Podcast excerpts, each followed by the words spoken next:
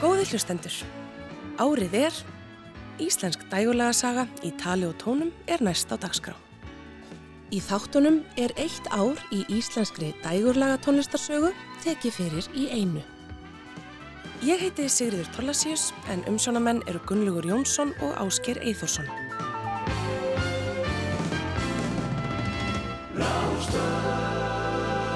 Árið er 2000. Það er hugarstríð, ást og hatur allar tíð, hér í heimi ár og síð. Þegar myrkri fer, eins og alda yfir sker, þegar eitthvað út af ber. Kanski er það von sem fleitir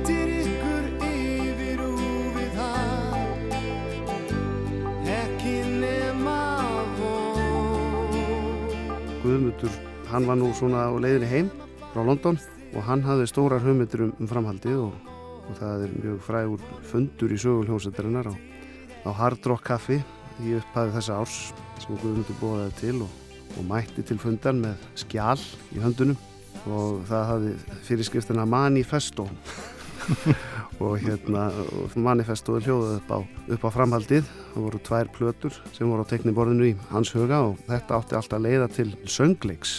Og okkur fannst þetta svona í, í hinum í hópnum svona full, metnaða fullt og, og satt að segja hafðu nú ekki mikla trú á, á því að þetta geti gengið en, en, en við gengumst nú svona inn á þetta og svo ég stýtti nú málmið þá endaði þetta með því að þetta verður tvær plötur og söngleikur þannig að einhvern veginn hafðist þetta ná í gegn Stefán Hilmarsson sagði frá metnaðafullu plani sem Guðmundur Jónsson lagði fram á frægum fundi sálarliða á Hard Rock Café í byrjun árs 2000.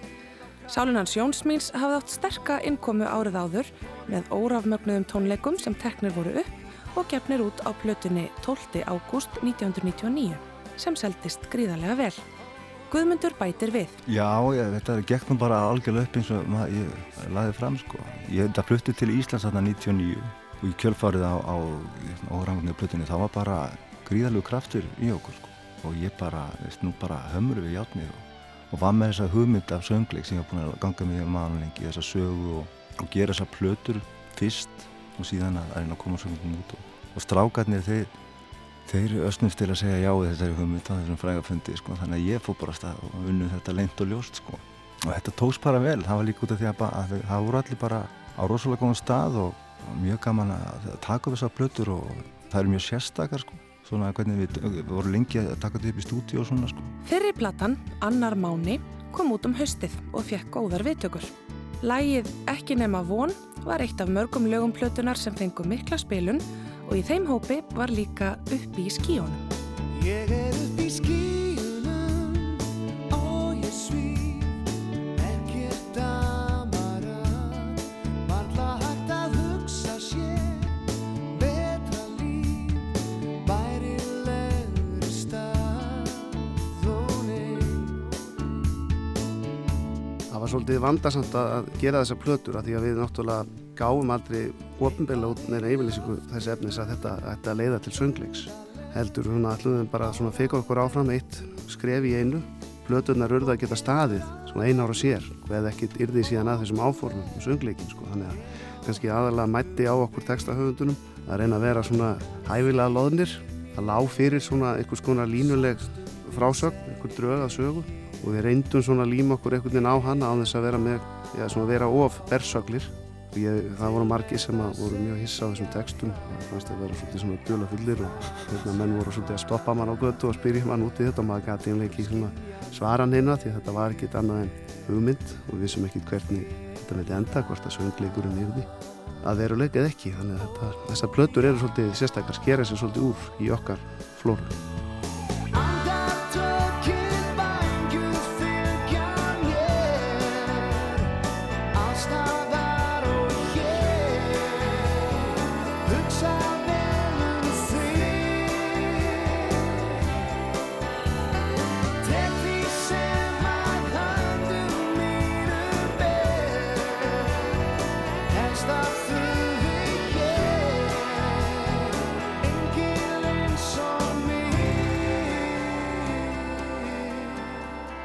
Sálinn átti tvö lög á saplutunni Svona er sömarið 2000 og annað þeirra var Sól ég hef sögu að segja þér en svona hljómaði demóið frá Guðmundi lagahöfundi.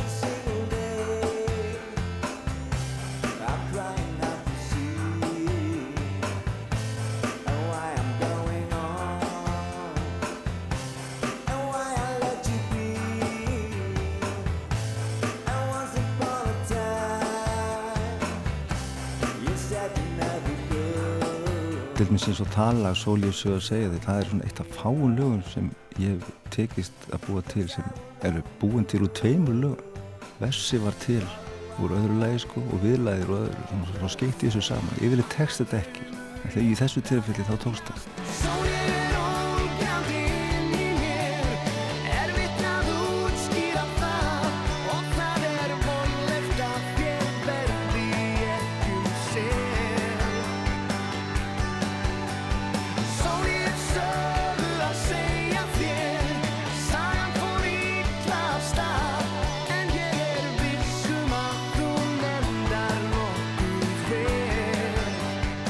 sól ég hef sög að segja þér, þarna er verið að leggja sól, borðið mun, eða fyrir ekki um mána, á þess að hann sé nú nefndur og nafn og þetta var nú einn af þeim textu sem að ég var spurður svolítið út í, hver er þessi sól? Og ég átti nú erfitt með að svara því. En þetta, svona sóningin í þessu, eða hljóð heimurinn á þessu lagi er svolítið skemmtilegur. Þannig vorum við að leika okkur aðeins með tölvutækna. Árið er 2000.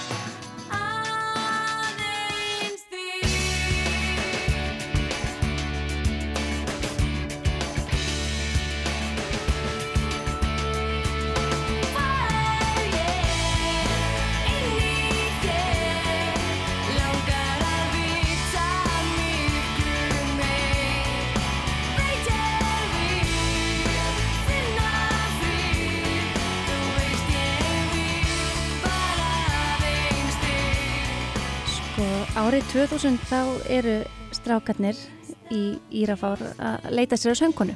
Og á þeim tíma þá er ég að syngja og búin að vera að syngja mikið á Broadway í hennum ýmsu sjóum. Og þeir heyrðu, mér minnir að Tommy Tom hafi sagt þeim að það væri söngkona að syngja í Abba sjóun á Broadway sem þeir ætti að fara að kíkja á fyrst þeir voru að leita sér að söngkonu.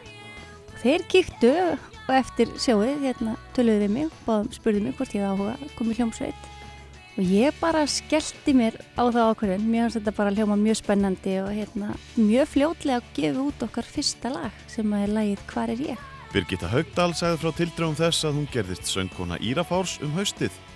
Hljómsveitina stopnuðu Vignisnær Vigfússon gítarleikari og Þorsteinn Aðabjörnsson trommuleikari í áspyrjun 1998 og fljótlega bættust í hópin bassaleikarin Sigurður Samuelsson, hljómbásleikarin Helgi Jónsson og Ískur söngvari sem stoppaði stutt við en þá tók Íris Kristinsdóttir við hljónumönum.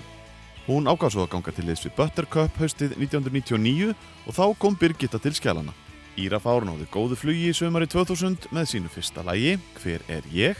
Og Sveitin slóst í för með bylgjulestinni um sömarið, þar sem Sálinans Jónsmíns var aðalnúmerið. Sáldegiðar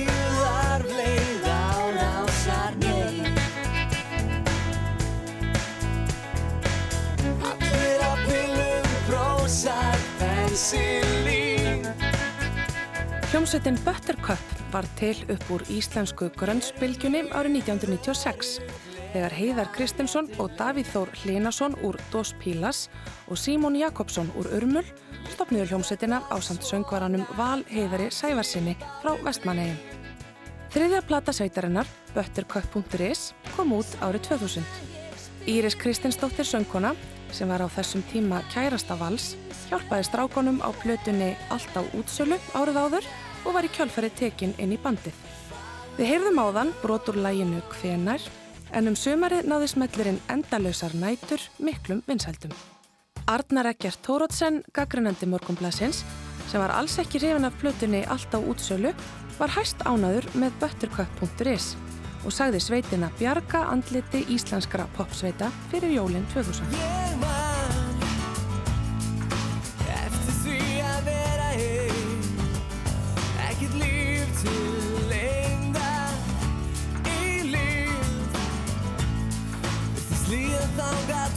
til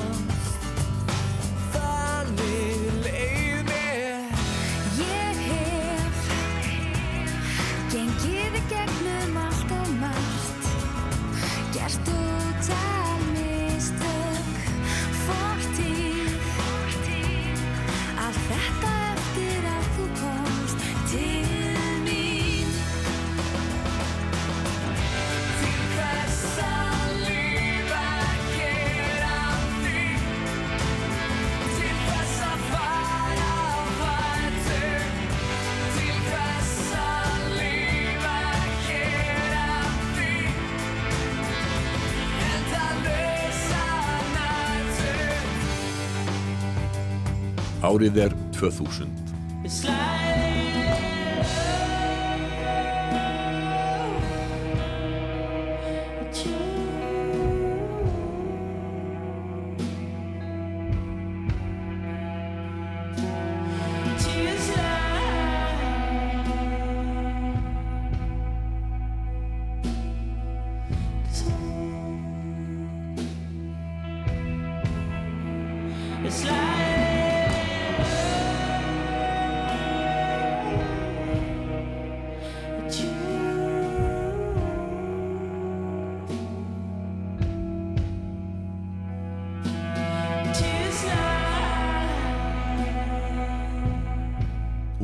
Sigurásar fekk fljúandi byrjun þegar fyrsta smáskífan, Svept Genglar, kom út í Bretlandi undir lok ás 1999 og haustið 2000 kom platan þeirra ágætis byrjun út í Bretlandi á vegum Fat Cat útgáfu fyrirtækisins. Hljómsveitin ferðaðist um alla Evrópu til að fylgja útgáfun eftir og tróð upp á hróaskjölduháttíðinni í fyrsta sinn um sumarið. Tveimur dögum fyrir tónleika Sigurásar var hræðilegur atbörður á tónleikum Pearl Jam á háttíðinni þegar mikill tróðningur var fyrir framann sviðið með þeim afleiðingum að nýju áhörundur létust. Slísið setti svipa hátíðina sem var haldið áfram í skugga þessa sorglega atburðar. Það vakti aðtikli á tónleikum Sigurósar að af þeim áttalögum sem sveitin tók voru fimm af væntalegri plötu, svo kallari svigaplötu sem kom út tveimur árum síðar. Aðeins tvö lög voru af ágætis byrjun og áttundalagið var nýja lagið sem var á bjellið sveppgengla smáskifunar og hljómar hér undir. Kjartan Sveinsson og Georg Holm spjöldluðu við Ólaf Pál Gunnarsson að loknum tónleikum þeirra á Roskilde Festival. Já, strákar, hvernig fannst ykkur að spila hérna í dag? Ógeðslega gaman. Það var rosa stuð. Bara frábært. Þið fengu aldrei fína mót okkur, fólki ætlaði aldrei að sleppa ykkur. Já, það var rosa fílingur í gangi, bæði hjá okkur og krátinu. Það var alveg svaka stemning og alveg rosalega gaman. En hvernig, hvernig fannst ykkur svona að fara að spila hérna eftir að þið heyrðu þessar fréttir um þessi döðsfall? Ég meina, við erum búin, við, veist, erum búin að fá borga fyrir að spila og bara spilum við og ef þú tekur bara hvað hljómsveitin er, það er, búið- það er búið að borga sig inn og til þess að sjá þessi ákveðnum hljómsveit og þegar þessi ákveðnum hljómsveit spilar ekki, það er náttúrulega mjög svekkjandi fyrir, fyrir fólkið. En hvar, hvar voru þið þegar þið fenguð þessar fréttir? Ég var bara hjá Appsingul og síðan, bara rétt hjá. Sá, no, sá einhvern mann vera borinn inn á börum. Það var allt í drama, það var rosa dramatík baksviðis og, og fólk grátandi og það var allt í uppnámi bara. Ég er nú búinn að sjá okkur nokkur sinnum og ég held ég hef ekki þekkt nema tvö lög hérna á þeim. Hvernig, hvernig stendur á þessu? Okkur spilið aldrei lögin af plötunni? Við erum bara búin að fá svo leiða þeim. Við nennum ekkert að spila. Við erum, veist, erum í góðum feeling þegar við erum að spila þessi nýju lög og við erum ekki í eins góðum feeling þegar við erum að spila þessi gamlu þannig að liggur náttúrulega beint við að spila þessi nýju. Þá njótum við okkar best og höldum að fólki sem eru að hlusta njóti sín best líka. Alls spiluðu Sigurása Piltar á 50 tónleikum Erlendis árið 2000 og hittuðu meðlans upp fyrir Radiohead á 10 tónleikum í Evrópu í septembermánuði. En söngvari ennsku sveitarinnar Tom York hafði auðsið piltana lofi í breskum fjölmiðlum fyrr á árinu. Fyrstu skref Sigurósar í útlandum gengu því vonum framar og lögðu grunninn að glæstum ferli sveitarinnar á alþjóðamarkaði.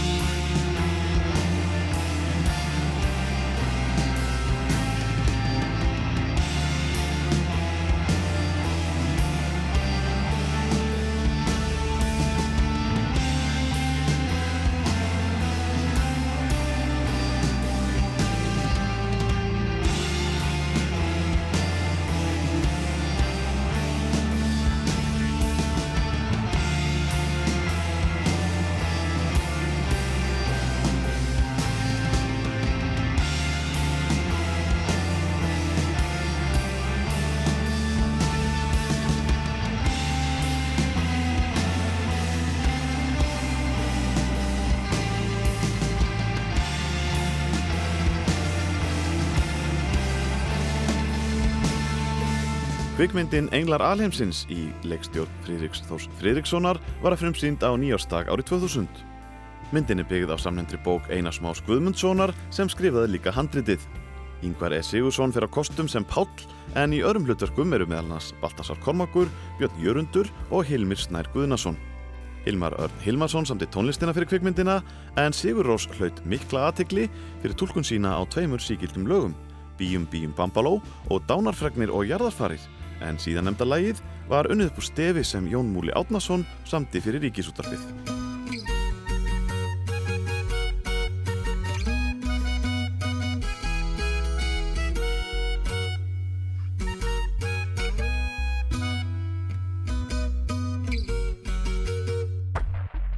Kvikmyndin 101 Reykjavík, fyrsta bíómynd leikstjórans Baltasars Kormáks, var frumsýnd í sömarbyrjun, en hún var byggð á samnemndri skáldsögu Hallgríms Helgasonar.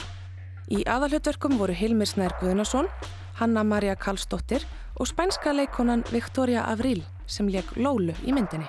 Damon Albarn úr Blur og Einar Örn Benediktsson föndruðu tónlistina í myndinni í sammenningu og þar var gamli kingslagarinn Lóla ábyrjandi í ýmsum útgáfum þeirra félaga.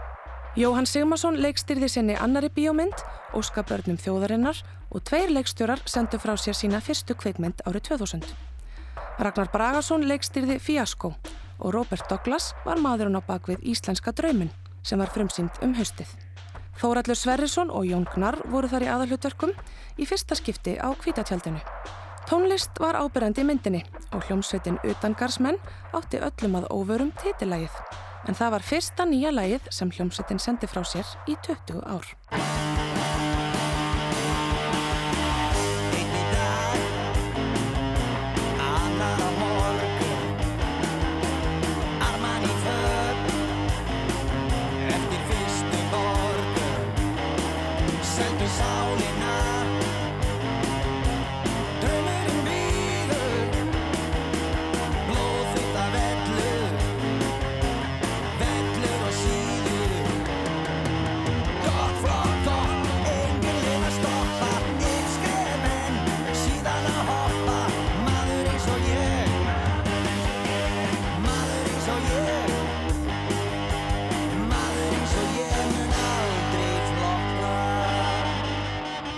Utangarsmenn og lagið Íslenski draumurinn. Það var uppi fótur og fyrt þegar hljómsveitamæðlimir byrtust óvænt á sjónvarskjá landsmanna í þættinum Stutt í spuna veturinn 1999 og fluttu þar tvö lög. Þessi endurkoma vakti þá hugmynd Pollock bræðra að fá sveitina til frekara tónleikahalds. Eftir allskynns bollaleggingar og fundarhöld náðust samningar og áallega var að halda fimm tónleika á jafnmörgum stöðum á landinu á miðju árinu 2000. Tónleikaferðin hóst 14. júli í Nesköpstað og endaði með eftirminnilum tónleikum í tróðfullri lögadarsöll 23. júli. Óláf Pall Gunnarsson var ekki vafum hver var í tónlistaviðburður ásins 2000 þegar hann gerði upp árið um áramótin. Höllin var tróð full af fólki og ánægjan skein úr hverju andliti. Þeir sem höfðu efast og höfðu sagt að svona comeback hjá gömlum hljómsveitum væru alltaf handónýtt þurftu að geta það ofan í sig. Gömlumerinnir kunnu þetta alveg en þá og ef eitthvað var þá voru þeir miklu betri en fyrir 20 árum. Þær rattir heyrðust út um allt. Þetta var rock og roll og þeir kunnu það þessi kallar. Meiri segja Páll Óskar Hjálmtísson sem er nú allt annað en rockhundur var heimiljóðandi. Bubbi Mortens er ekki kallaður kóngurinn út af yngu og þarna í Laugadalshöllin í sumar var hann með gömlu rittarana sína í kringu sig, óstöðvandi og ósigrandi. Endur koma utangarsmanna er tónlistaföðbörur ásins 2000 á Íslandi að mínu mati. Ekki svar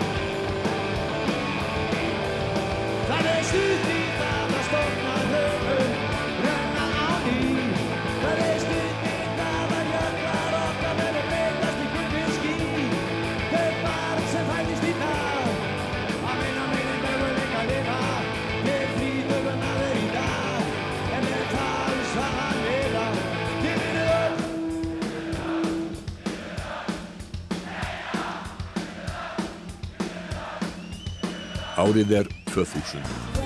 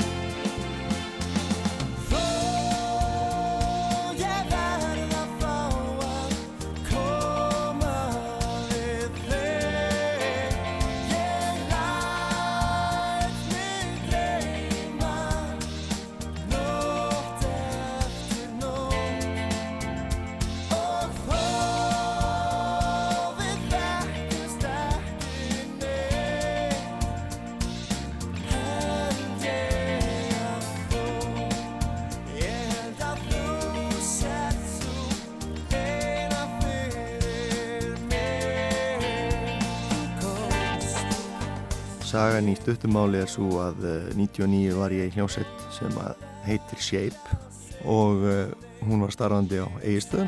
Hún er verið starfandi í nokkur ár. Meðal annars höfðu við heitað fyrir skítamóral í Valaskjálf. Það var eina balli sem mann eftir sem að forsöngvari forfallaðist og Gunni Óla eftir heima með 40 stegi heitaði Reykjavík og eh, Einar Ágúst þurfti að halda bandin uppi og það var okkur að redda einhverju með svona til að létta eins undir honum og hringt í lokalstrákana og uh, mér skynst að við höfum bara staðið okkur ágætlega. Þeir síðan eru náttúrulega vinir strákan í Amóti Sól og sögðu þeim frá þessu. Þannig að þarna fréttu strákarnir í Amóti Sól af söngvara. Og hringdu semst í bassaleikara minn hann Loga í hljómsveitinni Shape. Og spurði hann um tvo söngvara á Östurlandi sem að þeir vildu fá að prófa. Annar þeirra var söngvarinn sem heitaði fyrir skítamóral og hinn var strákurinn sem tók þátt í söngkeppni framhaldsskóluna fyrir mennskólinu og eigistöðum og eigðum það bæði ég þannig að þetta var þægilegt, sami maðurinn. Þannig að ég skust suður til að hitta þessa drengi og uh, okkur tókst ágætlega til vinna og fórum að eina æfingu og einhver hlutu vegna var ég ráðin í hljóstina Magni Áskersson sagði frá því hvernig það kom til að hann gerðist söngvari á móti sól eftir að Björgvin Jóhann Reyðarsson hætti í hljómsveitinni sumarið 1999. Fyrsta verkefni Magna í hljóðveri með sveitinni var jólalægið Þegar jólinn koma sem kom út undir lok ársins 99. Með tilkomu Magna breyttist á móti sól í hreinræktaða popsveit og lægið Vertu hjá mér eftir Heimi Eyvindarsson gaf tónin. Um Vestunamannahelgina 2000 spilaði sveitin á þjóðháttíð í eigum á samt sálinni og fekk það verkefni að semja þjóðháttíðalægið sem fekk einfallega nafnið í Vestmannegjum og er eftir heimi.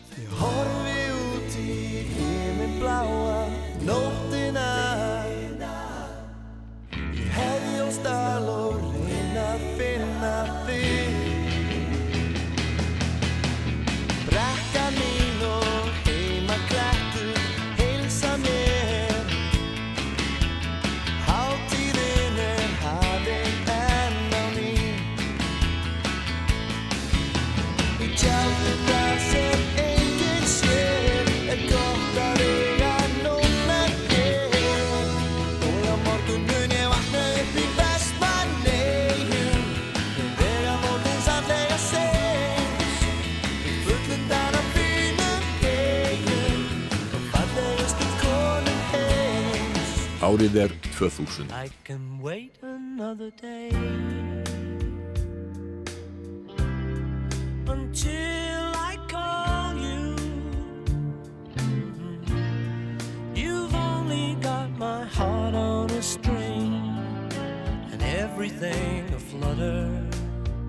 Bítillinn Paul McCartney kom óvænt til landsins í byrjun júli í stutt frí með nýri kærustu sinni, Heather Mills, sem hann kynntist árinu áður en 27 ára aldursmunur var á parinu. Það kvisaðist fljótlega út að bítillinn verið á landinu og fréttamaður Ríkisjómasins, Gísli Martett Baldursson, var eitt þeirra sem hittu kappan. Gísli spjallaði við Ingól Margesson og Björn Freyrik Brynjólfsson í morgunúttarpinu á Rás 2. Ég var á samt nokkrum félagum mínum að horfa á úrstöldleikin á HM, neða hann EM og við vorum bara búin að vera í góðum gýri við leiknum fyrir að ákveða að fá okkur eitthvað að borða. Ég skrapp út af vídeolegu bílsíðinni og var þar þegar, þegar félagin minn sem fór niður á, á hérna óperu ringdi og sagði, heyrðu, þú trúið því ekki hver er á næsta borði. Og ég sagði, nú, veistu hver er á næsta borði? Paul McCartney. og, og ég, ég man ekki svona hvort ég borgaði spóluna ég tók á rás niður lögum og bankastrætið og inn og þá stóð það heima. Þar að segja að það var ekki á óperuröndar það var á Café Romans við liðina og satt þar bara í einum af básunum það lág mjög vel á honum og Jón Ólafsson sagði í fréttum í gerð, hann var svo sem ekkert að fela það, hann sagðist ekki að hafa haft augun af hann og hefði ekki hugmyndu hvernig konuna slitt út. Hann mætti jáfnframt með kvítalbúmi sitt og fekk einandra áratun. Hvað með þig? ég, ég, nei, nei, ég var sko ég, ég fór ekkert heim í mittiltíðin ég, það, það gekk ekkert sko ég bara, ég skeiðaði bara niður eftir um leið og ég heyrði af þessu en, og sem sagt, þá sem hringdi í Jón var, var Stefán Hilmarsson tónlistamæður sem að, sem að segja maður hafi fengið svona mest uh, út úr Pól ef svo maður segja vegna þess að, við kynntum svona nú fyrir, fyrir Pól sem, sem uh, the greatest singer in Iceland. Og hérna Pól þótti nokkuð til þess koma og spurði hann til nafns og, og, og Stefán sagðist heita Stefán og síðan uh, þegar Pól var að fara þá myndi hann alveg vel nafnið á Stefáni og, hérna að það verið sérstaklega ánægilegt að hitta hann og og svo var mjög hrifur af að hefa hitt e, Pól þannig að hann sem sagt tók í höndan honum og sagði bara Pól, uh, this is too much, this is too much. Og, þá sagði Pól hvað, þetta er bara eðlilegt. Og, og slefti handafatinu breytt út faðminn og faðmaði Stefán mjög þétt og innilega. Nú Í ge- nú langan geng ég út. þeir voru hann þessum þeir eru mestum mátar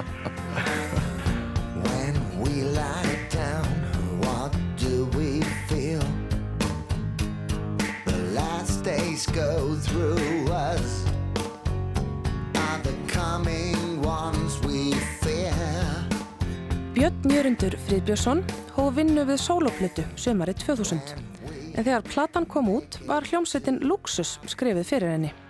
Aðrir liðsmenn voru gítarleikararnir Stefán Már Magnússon og Guðmundur Pétursson, hljómbásleikarin Jón Ólafsson og Hafþór Guðmundsson trommari.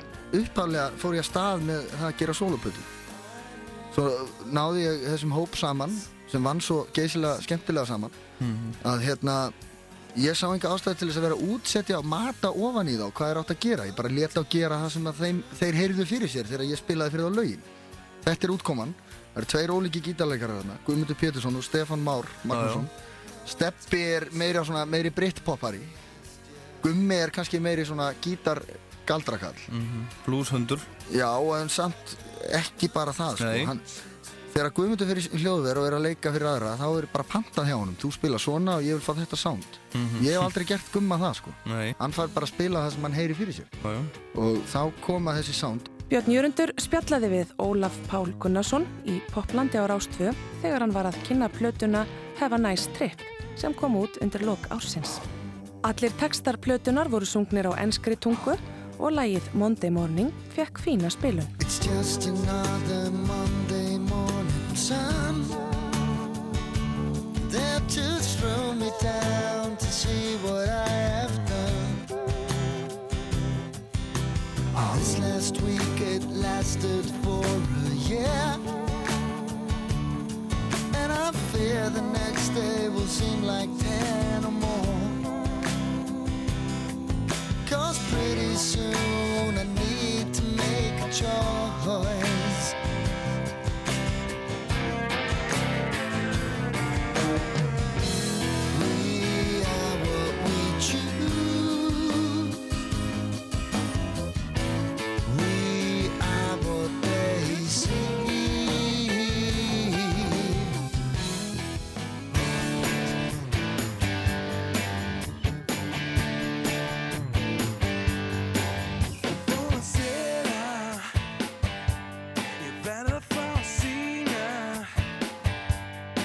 think I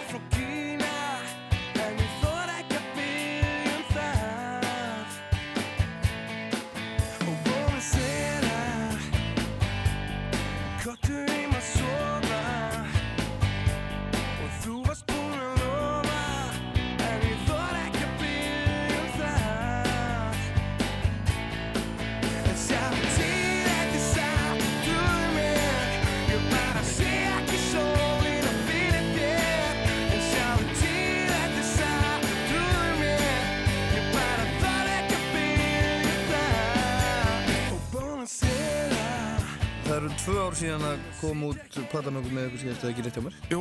Og það er komið nýr gítarleikari. Já. Hefur það breytt einhverju? Já, það breyti, sko, það breyti náttúrulega tölvöld miklu þegar að síðasta plata kemur út því að uh, meðan að við erum að vinna hana lappar gítarleikarinn út úr bandinu Mhm. hafði það, og það hafði tölvöld mikil áhrif á þá plötu og á bara móralin í bandinu og allt við ekki, við stóðum á krosskotum, vissum ekkert hvað er því Gunnar kemur inn í bandið, Gunnar Þór og uh, það er bara kraftaverk einlega, það má einlega segja það Mhm. Mórallin hefur aldrei verið betri og, og samstarfið aldrei verið betra og bara ein, ein hamingisjum fjölskylda. Bergsveitn Arilíusson sagði Ólafi Páli Gunnarsinni frá breytingum í hljómsveitinni Sóldögg þegar gítalegarinn Gunnar Þór Jónsson gekk í hljómsveitina.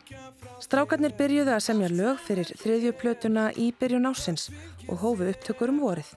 Þeir full unnu tvö lög áður en þeir tóku sumarúndin og um haustið kláruðu þeir upptökur fyrir plötuna Pop sem kom út undir lok árs 2000.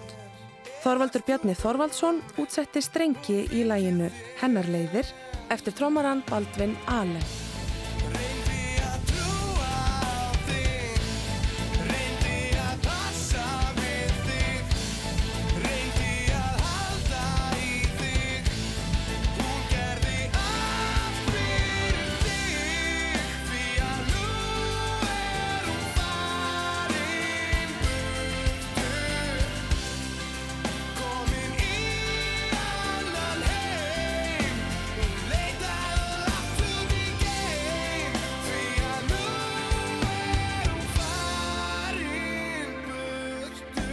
Árið er 2000.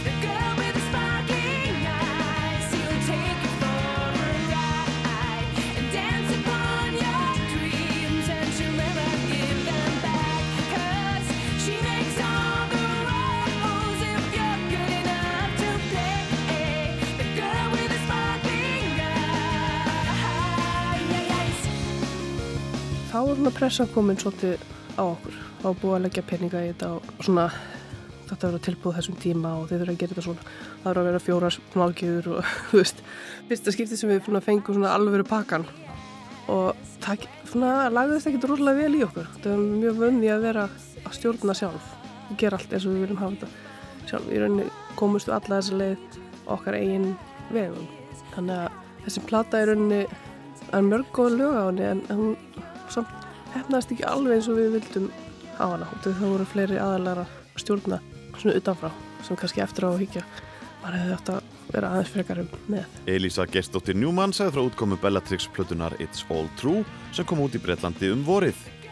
Þetta var fyrsta plata sveitarinnar undir merkjum Fjers Panda og tónlistin var orðin poppaðri eins og heyrist í læginu The Girl with the Sparkling Eyes en útgefandin lagði mikla áherslu á að tónlistin væri aðgengilegri og útásvætni.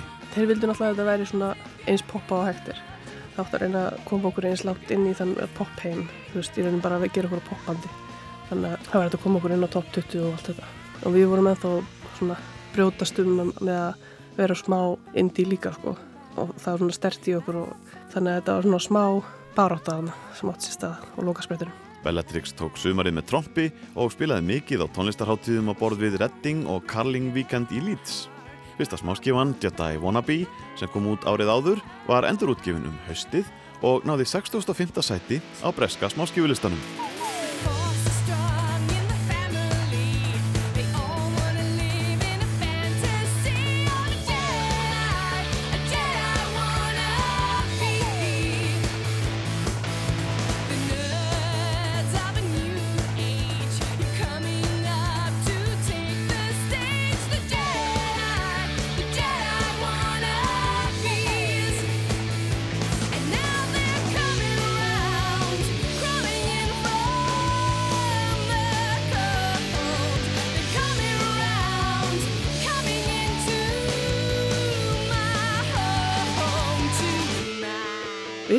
Ágætt, það fyrstu fína dóma og við fórum hana tónleikaferð líka aftur og fórum um Evrópu og þetta gekk ágætlega. En þetta var svona fjárhagslega séð frá blöndufyrirtækinu þá gekk þetta ekki nógu vel við vildum fá meira fyrir peningin og svo við varum svona, já ok, þetta er fínt. Þá voru þeir að segja, já en reiknistæmi gengur ekki fyrir þetta, þetta mikið í þrjú vídeo og þetta mikið þetta. Þannig að endanum þá gekk upp en í rauninu vorum við mjög ána með það og þetta samstarfi var svona svolítið, svolítið tókstreitaði og þetta var stórt fyrirtæki á baku þetta BMG og Mushroom og svo Fierce Panda og þeir voru allir að slást og svo voru þeir að slást við okkur þannig að við vorum hálf fegin að komast út úr því bara. Tókstreita útgefenda og þreita í bandinu var til þess að Bellatrix tók sér frí í byrjun ás 2001. þá erum við voru svolítið þreytt sko, og búin að vera að spila stanslust í tvö ár og einmitt búin að vera í þessum rosalega rollercoaster fara út um allt og gera þetta allt saman þannig að við ákvaðum svona í byrjun 2001 að taka okkur bara smá pásu. Við vorum alltaf búin að vera aðeins síðan 16 ára og maður er alltaf komið um 24 5, þú veist, erum við ennþá bara 16 ára í hausnum. Það var svolítið, svolítið þannig. Þannig að við ákvaðum að taka 6 mánuðar hlýja en svo náttúrulega var það bara miklu miklu lengra. Það var eða bara 10 ára hlýja Norðansveitin Utopía sendi frá sér sína fyrstu plötu Efnasambönd í lok ásins 2000. Karl Henry Hákonásson söng og spilaði gítar, Kristján Már Ólafsson spilaði líka á gítar, Aðarsteinn Jóhansson plokkaði bassastrengi og Magnús Rúnar Magnússon barði húðir. Eftir útkomu plötunar hætti Magnús trommari og sveitin átti miklum vandræðum með að finna rétta artakan. Á annan tug trommara settist við settið áður en sveitin laði blöipana árið 2002 þegar Kalli stopnaði hljónstina Tenderfoot. Lægið Solmyrkvi fekk ágæta spilun í útvarpi allra landsmanna, Rást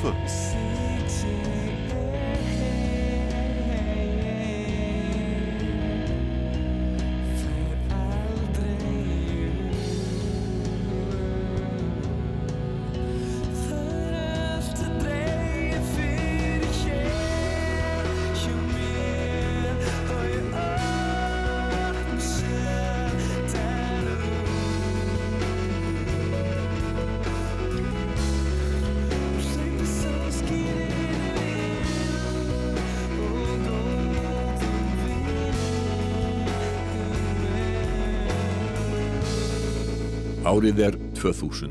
Thank you for the days, those endless days, those sacred days you gave me. I'm thinking of the days I won't forget a single day, believe me.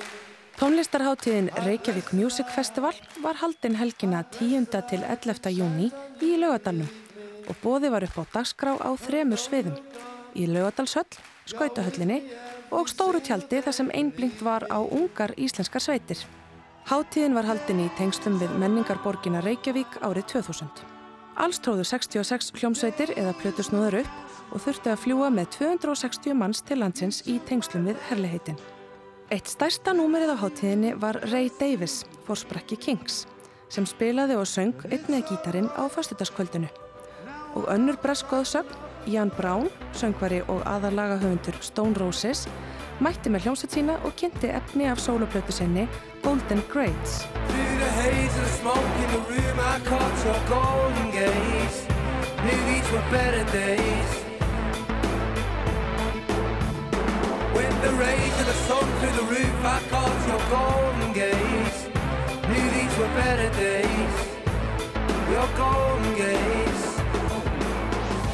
Þannig heyrðu brot úr læginu Golden Gaze með Ian Brown sem tróð upp í lögutarsöllinni á Reykjavík Music Festival. Ólafur Páll Gunnarsson spjallaði við plötu útgefandan og tónleikahaldaran Steinar Berg Íslefsson í Rokklandi á Rást 2. Nú er þessi hátíð þín hugmynd. Jú, jú, þetta kviknaði einhver staðar í einhverju sellu í mínu heilabúi.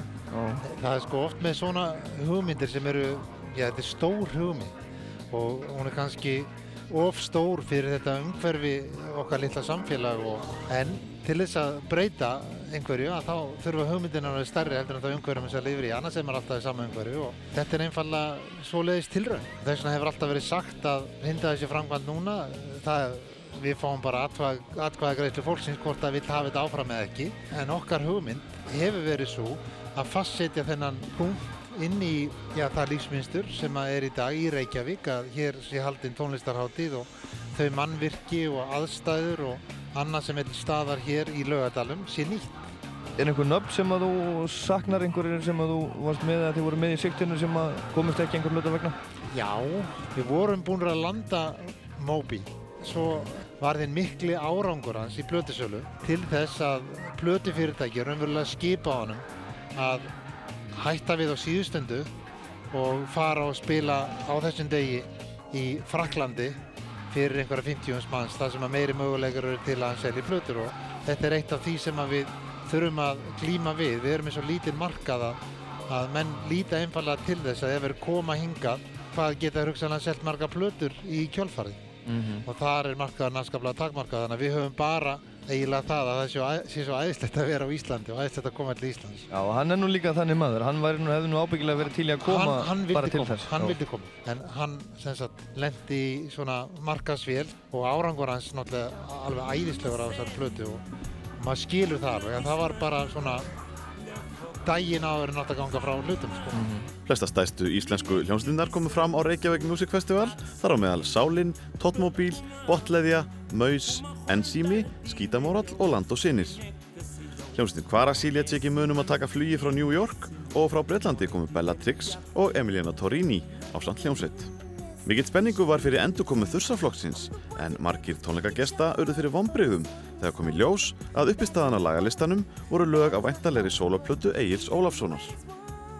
Á meðal annara erlendra listamanna sem heldur tónleika voru sænska rocksveitin Kent, enska anarkistasveitin Chumbawamba, þýska danstríóðið Sass, plötusnúðurinn Darren Emerson úr Underworld og senegalski tónlistamæðurinn Youssou N'Dour.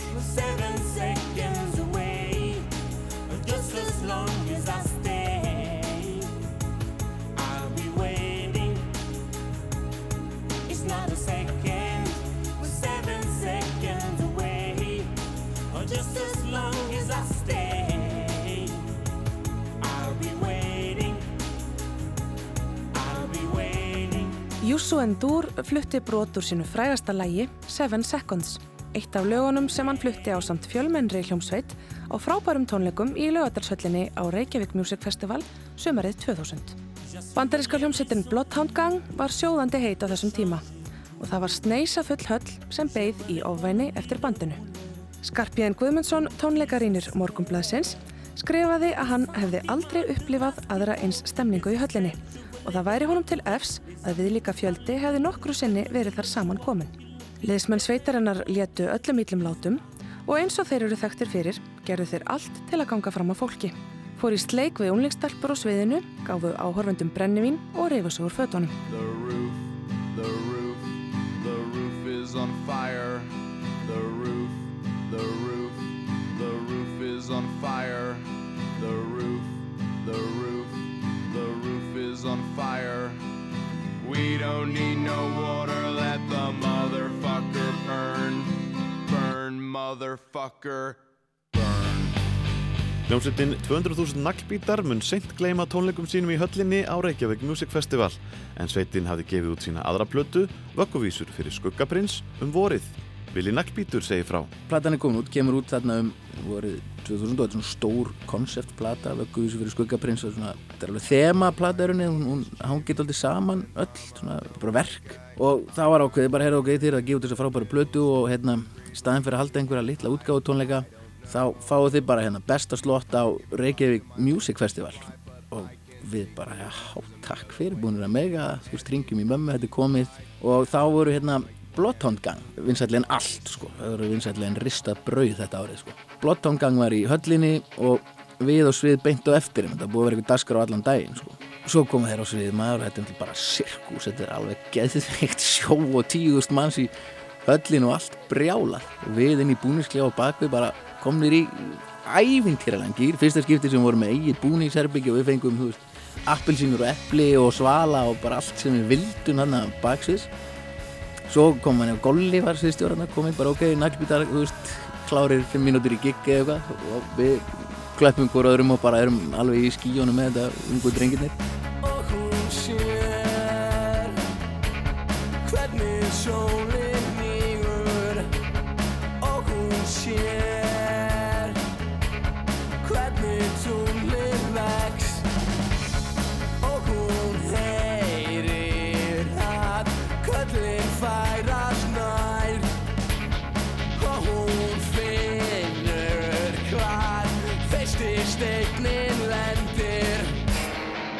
svo klárar blóttangan og þá vandlega, er hitin inn í höllin orðin 70 stig eða eitthvað. Allar neyðardyr opnaðar á, það er þetta opna eina hlið á lögadagsvöll öllum skoblað út lokað og naglbyttur á svið. Og ég lík því ekki það hafa verið svona 50 manns í salnum þegar við fórum á svið. Það var algjör anti-klímak við löpum inn í tóma höll og hóstuðum bara á, en spiluðum og ég hitt ábyggilega hitt alla sem eruð eftir og, og þeir eru mjög ánæður og þetta voru skemmtilegi tónleikar en Jésús Kristur hvað okkur leði illa þegar við fórum inn á sviðið.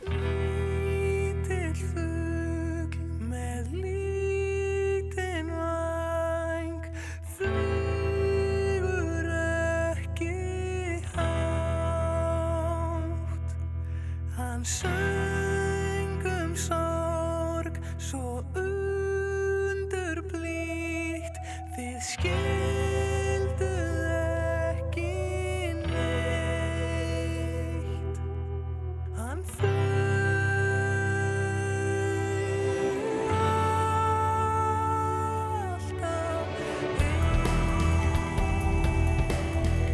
Meðalaga á plötunni Vögguvísur fyrir skuggaprins voru Toxic Alla og Lítill Fugl sem nutu vinsalda á öldum ljósakans.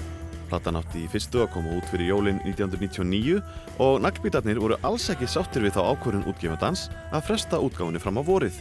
og ég man ég var alveg, já, já, brjálar það er alveg ömulegt að fara á fund með útgefandi og hann segir, herru, ok, þetta er fín plata en það er bara svo margt að gerast og það er eitthvað sem vantar og við ætlum að frestinni og útgefandi getur gert það því útgefandinn er að borga í millitíðinni þá bættum við við tveimur lögum á hana sem eh, endur svona á nú séum alveg enga en alls ekki eftir, eftir því.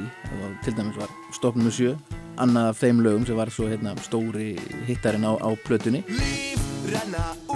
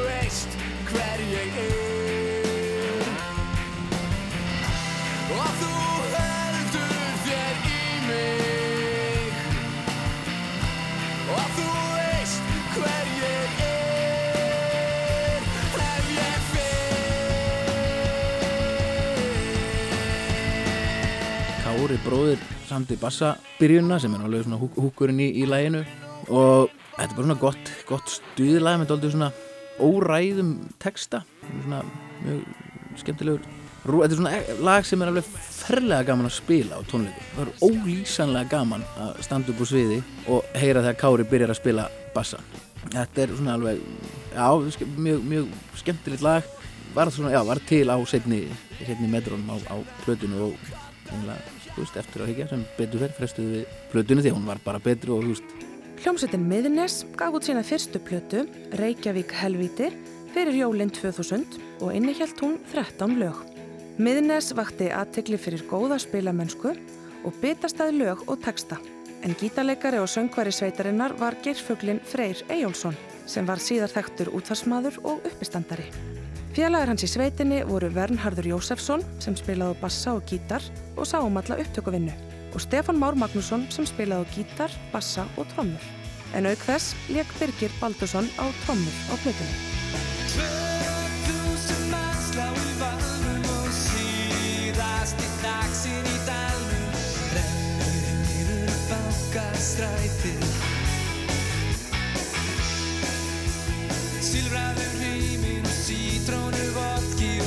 cantar.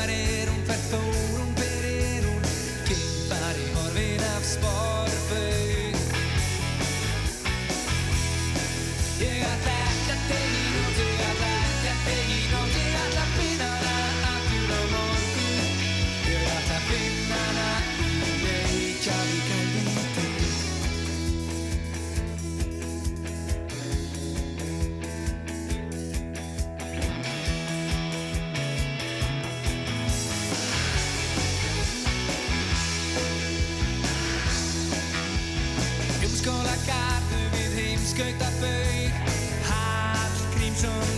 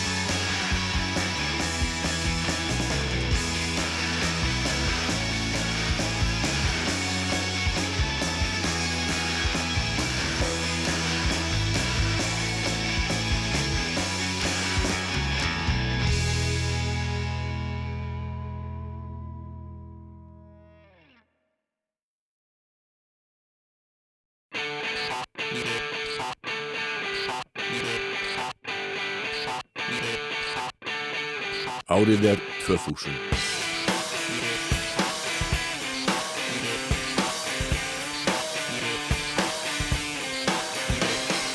Við ákvaðum þarna að gefa sjálfur út plötuna. Búin að vera þrjár plötur hjá Rappa og, og bara frábært samstarf og það var engin leiðind í því. Okkur langaði bara að prófa að gefa út sjálfur og standa svolítið á eigin fótum og tókum þessi ákvörðun og tókum þarna lán til að gera þessa plötu. Við vorum búin að vera í þessu make-bransa.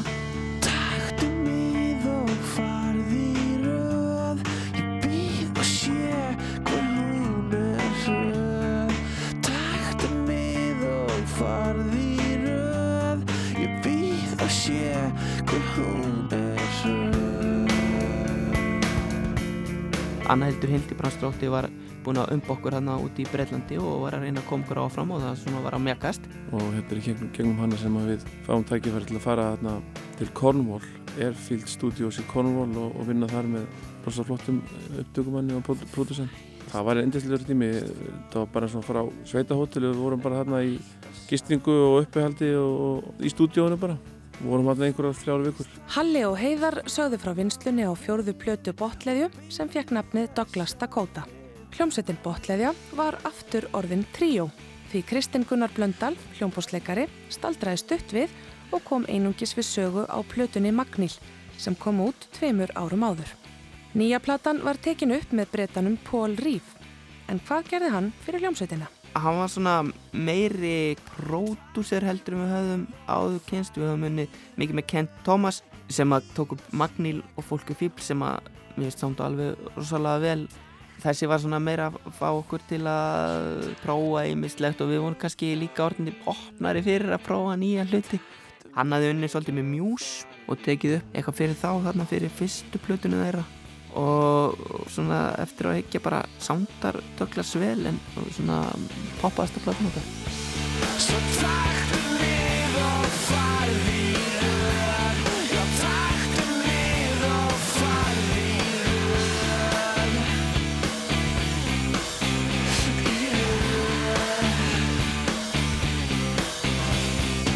Platan fekk frábæra dóma og var meðal annars valinn plata ársins hjá vikublaði DFF Fókus og mörg lög fengu fína spilum. Þar á meðal farðu í röð sem við heyrðum hér áðan og lægið Fallíf sem er byrjað að hljóma.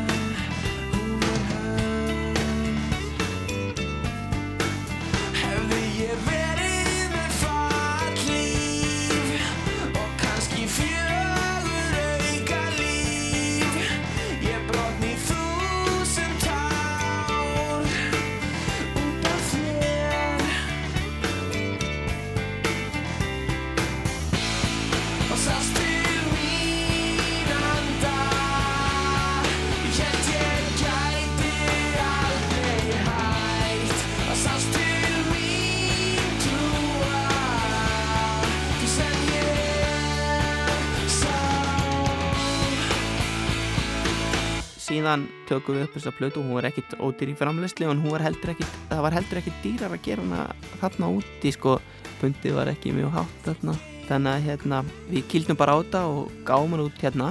Svo var Japis að dreifinni fyrir okkur og hluti af sölinni festist inni hjá Japis þegar þeir fara á hausin við vorum mjög aftalega í kokkuraröðin í fá eitthvað út þrótabúinu þannig að við sáum ekki fram á að fá neitt út úr því. Þannig að við vorum í skítamálum svona peningulega séð sko þannig að það var úr vönd að ráða.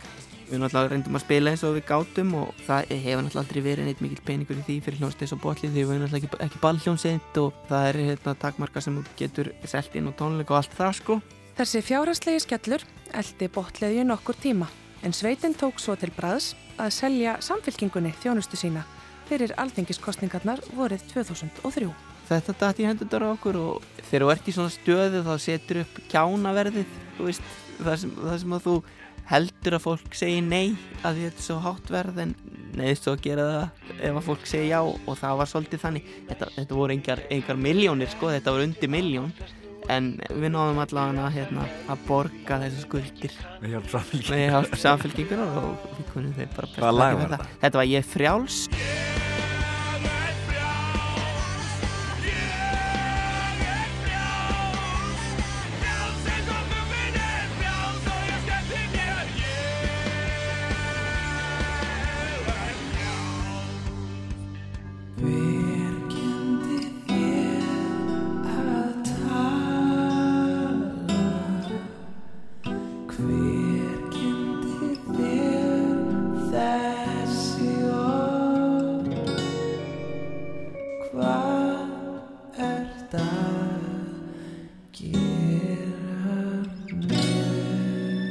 sendill hjá Kaupþingi, þá var það ungt fyrirtæki. Áttu upptökutæki og tóku upp heim og svona komið þessu lög að búin að skrá mig í svona upptökunám í London sem ég langaði í. En áttu náttúrulega enga pening þannig að það var eitthvað svona hugmynd að eiga fyrir flugfarinu. Ég held ég að nú reynda bara brent 71 dög seldi í fyrirtækinu og, hérna, vinur og vandamenn og ég held að amma hafi kipt flesta eindökin Örn Elias Guðmundsson, betur þekktur undir nafninu Múkisson, gaf út sína fyrstu plötu, Útbrott, árið 2000.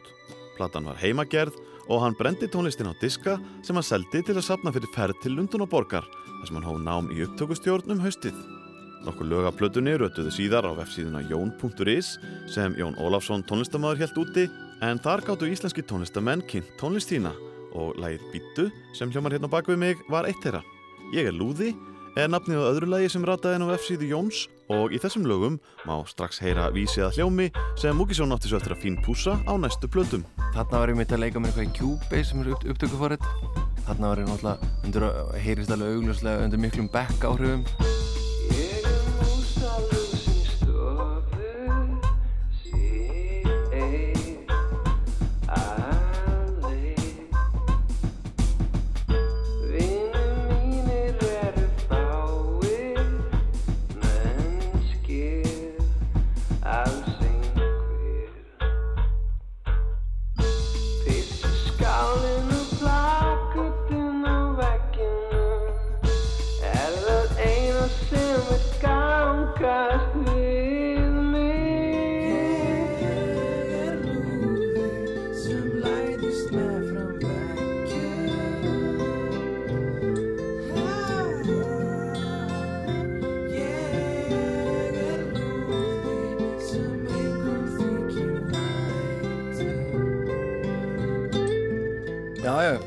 Bíja prófið því. Það gaf mér bara eiginlega aðalega það að fara í burtu. Hitta nýtt fólk og hérna, áður en ég fór út þá átti ég ekkert svo rosalega kannski marga vini sem voru tónlistamenn eða að semja eða búa til músík. Þannig að ég, úst, ég lifði og hræðist ekkert í þannig samfélagi sko. Til dæla feimin með mínu músík, ég var, var alveg í hljómsveitum og svona en það var oft erfitt að veist, maður kom með lag og eitthvað æfingar og það var eiginlega enginn að fíla þetta og svona, þú veist, og ég hef verið svona, á sérstaklega á þessum tíma, mikið svona grúskari, þú veist, í hljómalind að kaupa eitthvað, eitthvað skemmtilegt. En strákarnir sem, þú veist, vinið mínu voru ekki mikið í því. Og ég hef verið svona hljómsveitir sem voru kannski bara að covera, cover hljómsveitir eiginlega. Spila bara í góðum fíling, gott í kroppinn og svona self-force flip. Það var alveg æðislegt einhvern veginn, vera bara óskrifa blað og hitta úst, í þessum skóla fólk sem hefur áhuga á músík og sumir svipaðan smekk eða, og líka bara opna fyrir alveg nýja vittir eins og hvað sem að þungarokka eða elektrónia eða þú veist, mér finnst það alveg geðvegt sko, það er eins og bara allt í henni komast inn á eitthvað svona bar með alveg þúsundir rauðvína eða eitthvað og maður getur, þú veist, þetta er bara, það er alveg ný vitt fyrir mig sko. Árið er 2000.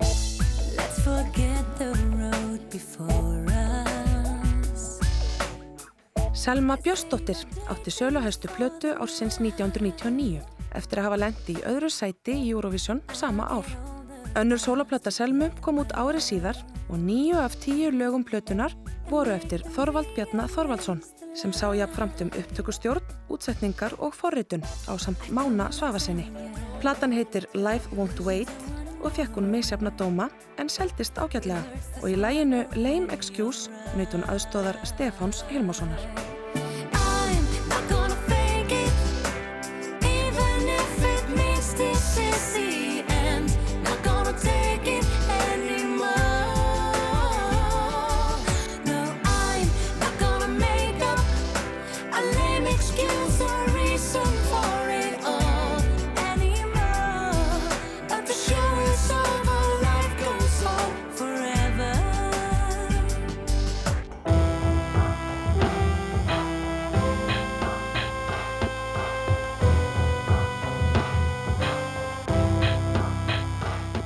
Hljómsveitin Moom gaf út sína fyrstu breiðskifu Yesterday was dramatic, today is ok rétt um áramótin 99-2000.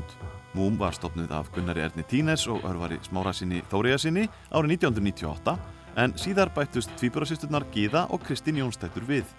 En svo gerðist það eins og ég sagði að hérna platan fór að vekja aðtegli. Já, ég hugsa að það hefur verið svona aðalega þegar hún komst út frá landinu, sko. Þegar hún barst eitthvað annað, þá fekk hún einhver aðtegli þar og það skapaði aðtegli á Íslandi. Ah, held, held ég. útlendingarnir að fíla þetta. Já, það er svona mín kenning, sko. Já, já. En hvernig barst hún til útlanda? Hva, hvernig, hvernig gerðist það?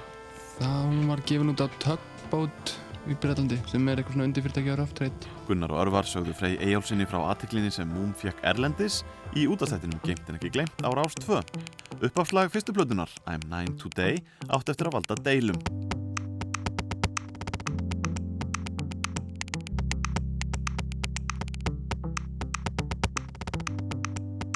Róand og slakat átt að hlusta á múm og svo er bara átök og læti í kringum þessu músík. Djöfull getur tekið á að búa til svona róandi og eitthvað tónlist, sko.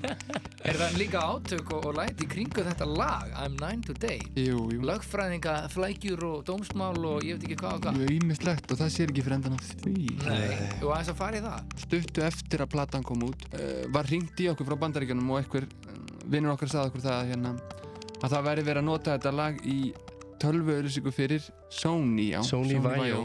Þetta er greinlega lag sem selur. lag sem selur tölvur Tölvur, já. það endaði í, í voðalegum látum sko þá komumst við að því að Thule, músík sem að gaf út plötuna hafði selt lagið í þessa auðlýsingu án þess að spyrja okkur eða láta okkur og vitandi alveg að við vildum ekki með, með auglýsingar hafa Já, sem við viljum bara- en það ekki í dag. Já, það endaði í mjög leðilegum málaferli þar sem við reyndum að losna frá Thule fyrirtækinu Þannig að þetta lag hefur kostað mikil átökuleiti. Já, sem og er- að reyna að stela þessu lagi svolítið frá okkur. Já, ha.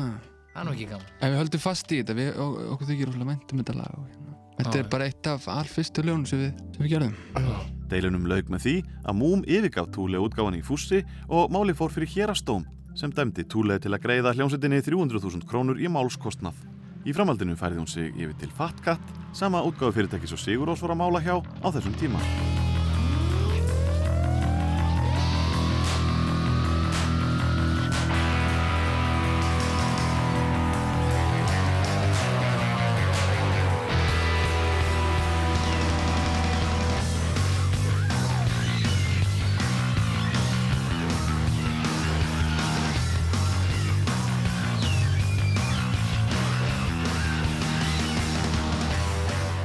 Gleðisveitin Kanada hefði starfað í fjögur ár þegar fyrsta platan sem var samnemnd sveitinni kom út ann 24. ágúst árið 2000. Meðlimitnir komu úr ýmsum áttum. Ragnar Kjartansson söngvari og hljómbósleikarin Úlfur Eldjátt höfðu starfað saman í hljómsveitinni Kósi.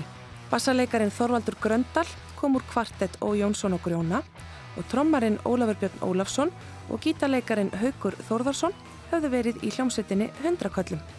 Þegar liðsmenn Kanada voru beðnir að lýsa tónlist sinni, sögðu þeir að heyra mætti lagbúta úr hryllingsmyndum og hörputónlist, dýra hljóðursveitinni og hardmetalrock. Annars leiðu þeir áherslu á öðruvísi tónlist og myndlist.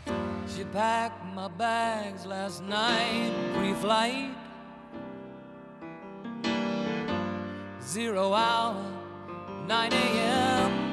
Enski tónlistamæðurinn Elton John hjælt úti tónleika á laugardalsvellinum í köldu veðri á uppstigningadag 1. júni og undir lógtónleikana fór að snjóa á tónleikagesti.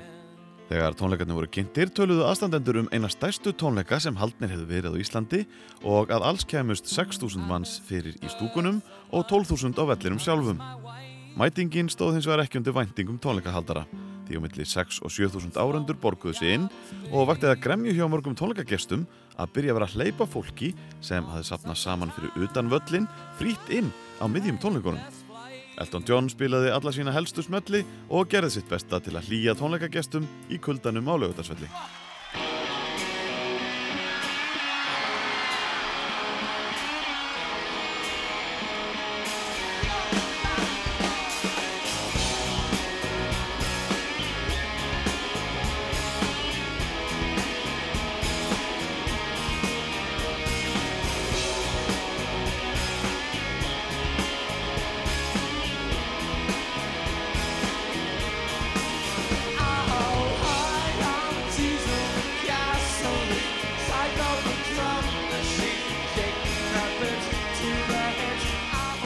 Tónlistarháttíðin Æsland Airwaves var haldin í annarsinn um miðjan oktober og stóð frá 5. degi til laugardags. En á sunnudagskvöldinu var Timburmannapartí á Thomsen. Háttíðin var stærri í sniðum en árið áður og bóður upp á tónleika á minni stöðum, líkt á Gauki og Stöng, Kaffi 22, Thomsen, Kaffi Gróf, Kaffibarnum, Spotlight og Vegamótum, all kvöldin. Tónleikar Sigurásar í fríkirkjunni á föstudeginum vöktu mikla aðtegli og voru á margramati einna tónlistarviðburðum ásins á Íslandi.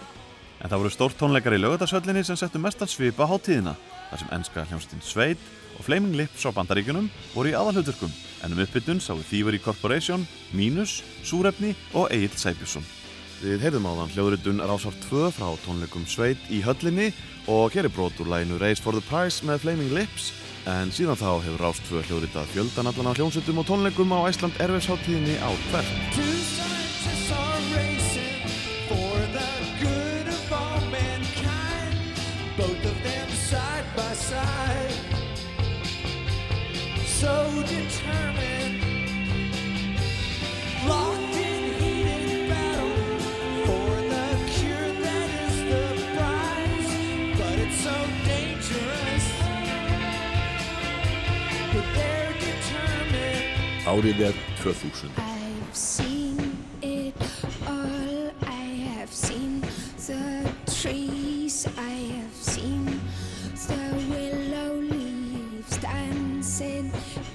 I've seen a man killed by his best friend and lives that were over before they were spent. I've seen what I was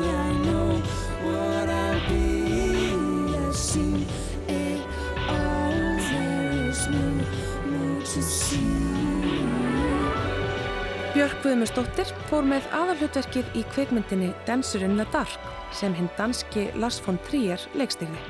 Hún samti líka tónlistina fyrir myndina og Sjón gerði textana í samvinnu við leikstjóran. Samstarf Björkar og Lars var alls ekki auðvelt og lísti Björk því yfir að hún ætlaði ekki að leika í fleiri kveikmyndum. Það kom mörgum á óvart þegar Björk hlaut Gullpálmann á kveikmyndaháttíðinni Cannes í mæ sem besta leikona í aðalhlutverki. Hún endur tók leikinn þegar Evrósku kvikmyndavelunin voru afhendi í desember og var kosin besta leikona Evrópu, hvorki meira en ég minna. Þegar Óskarsveljunaháttíði nálgæðist vonuðust margir eftir því að Björk erði tilnæmt sem besta leikona í aðalhlutverki. Þegar valið var tilkynnt kom í ljós að Björk var ekki á þeim lista en hún var enguða síður tilnæmt á samt Sjón og Lars von Trier fyrir lægið I've Seen It All þar sem hún söng duett með Tom York úr Radiohead. Verðum við ekki líka að spyrja hvort það hafi búist við þessu? Ég hérna var nú orðin svolítið svart svona síðustu daga af því að ég sá á netinu að ströymurinn var nú svona til dæmis gegn Björk í þessari leikonu tilhefningu og þá var ég nú svona eitthvað að veltaði fyrir mig hvort það myndi ekki hafa áhrif á þetta líka en e, þetta er bara skemmtilegt. Allar er til eh, Los Angeles?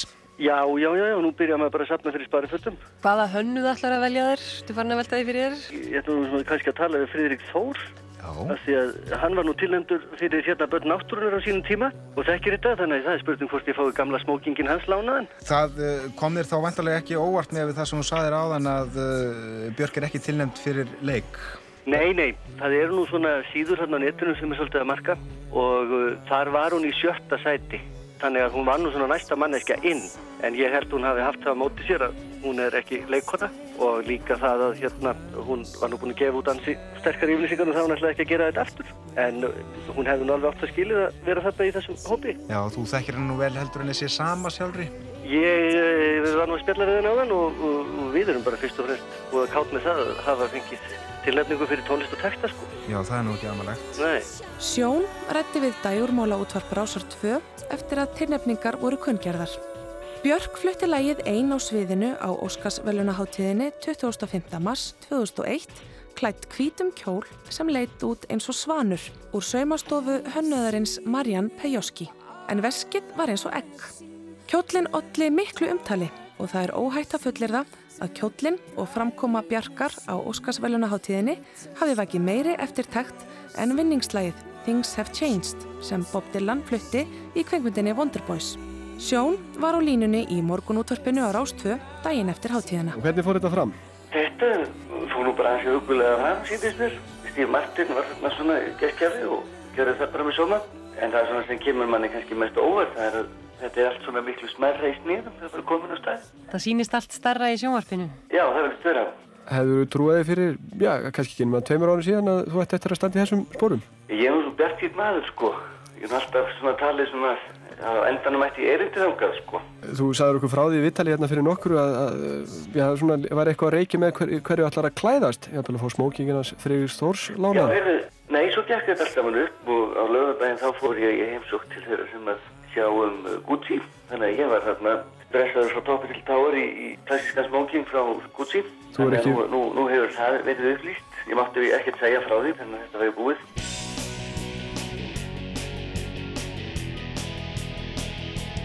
Fyrsta plata hljómsveitarinnar í svörstum fötum heitir einfallega verkefni 1 og kom út fáeinum dögum fyrir jólinn 2000. Þetta var áttalega plata sem var tekin upp í einföldu hljóðveri sem var sett upp í verslun skífunar á laugavegi 26. Lokalagið er I Feel Good eftir James Brown en önnur voru frumsamin. Jón Jósef Snæbjörnsson, söngvari hljómsveitarinnar, samt í þrjú þeirra og þar á meðal uppafslagplötunar Ég veit. Mig langar til að segja frá Því sem þrá ég að fá Það gengur ekki neitt Sama hvað ég reyni Augur græn sem smaraðar Tennur eins og demantar Húðinn er sem gull Er hjartað er úr steini Ég má ekki finna til Eitt ég segi annað vil. Verða að brúa þetta bíl Árið er 2000.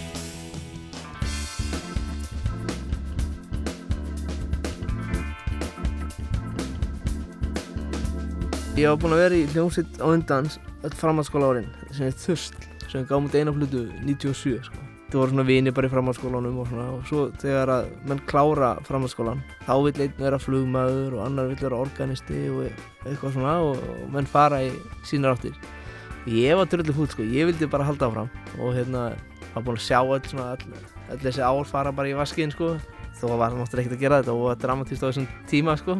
Ég man ég seldi Gibson Les Paulið mér bara, að ég nenni sig ekki lengur og en þá kynnist ég hérna í gegnum Gunda, sem bassarleikaran í þú veist, kynnist ég vini hans sem er Sigur Guðmundsson. Og hann var, var svona orgelikar og ég var alltaf mikið dálætið á svona hammótorgeli og svona. Þarna voru ringir að spila og það var svona, svona instrumentamúsík var svona svolítið inn sko. Og við vorum þarna í, í þeirri senu svolítið sko. Þá var ég líka að byrja þetta fyrsta, þetta eru fyrstu upptökurnar mínar sem ég tek upp sjálfur sko. Þust var tekin upp í geimstinni af, af Júla sinni Rúnars en þetta voru svona fyrstu upptökurnar sem ég smíðaði í bílskúrin minn sko eitthvað svona lítið stúdíu sko. þarna byrjaði upptökudellan sko og hérna þetta var bara svona instrumental band sko Sigur Guðmundsson hann var ekkit söngveri sko á þessum tíma sko það var, enginn sem dætt í huga hann myndi eitthvað fara að syngja sko. Guðmundur Kristinn Jónsson, sem margir þekkja í dag sem Kitta í hjálmum, sagði frá fyrstu plötu Fálka frá Keflavík. Kitti spilaði á gítar, Sigurður Guðmundsson á hljómborð, Karl Geirsson trómaði og Guðmundur Freyr Vigfússon blokkaði bassan. Á plötunni voru tíu lög, gamlir erlendir standardar sem Fálkar fluttu án söngs og höfðu þeir þýtt lagahittin á íslensku. Gamla bondlægið From Russia with Love sem hljómar hér undir fekk til að mynda nafnið Ástarkveðja frá Keflavík og var titilag hlutunar. Árið er 2000.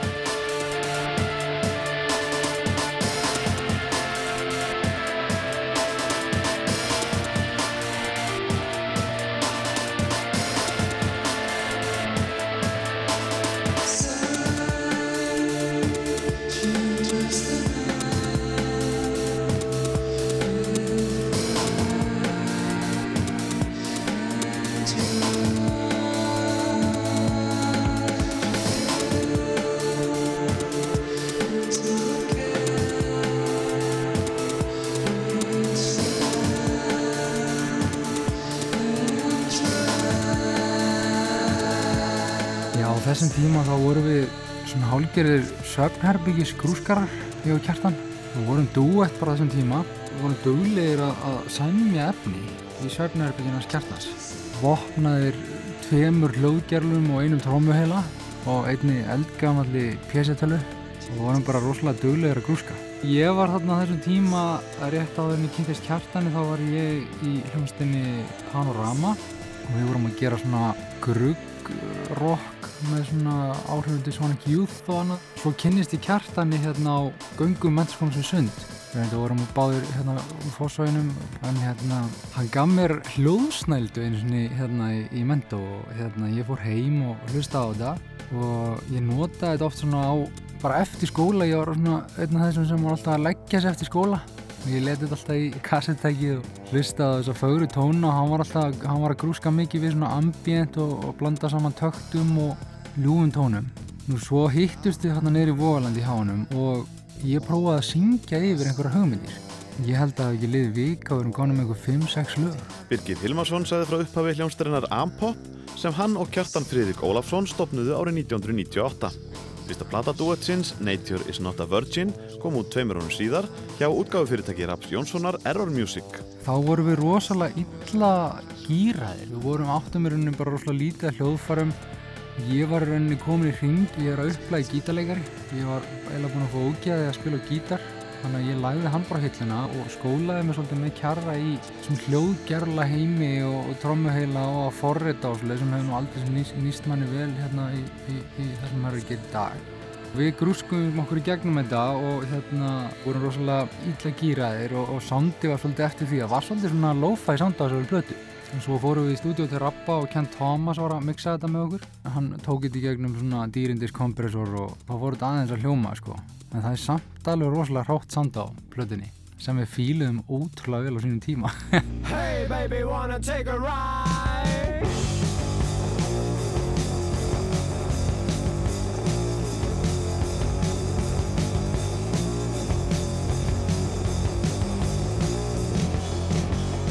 People dreaming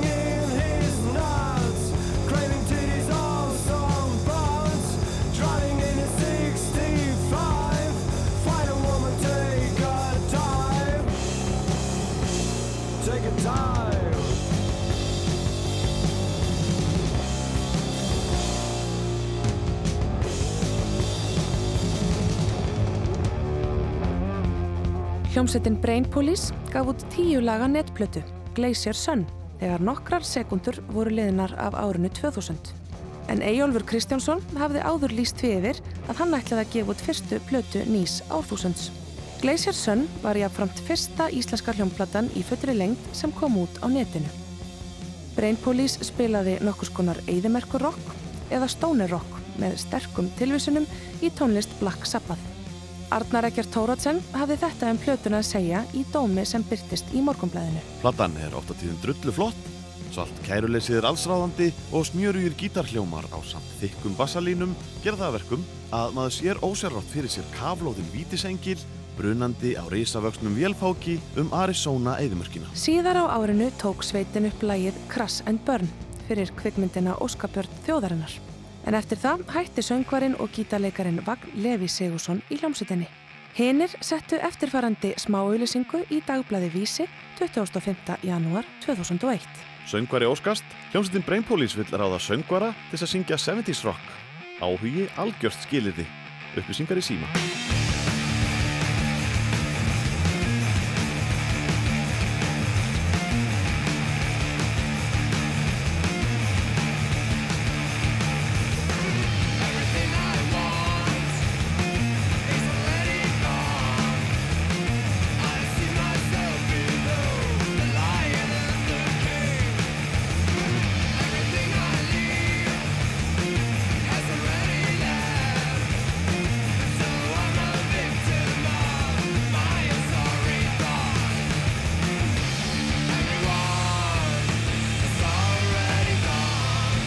Árið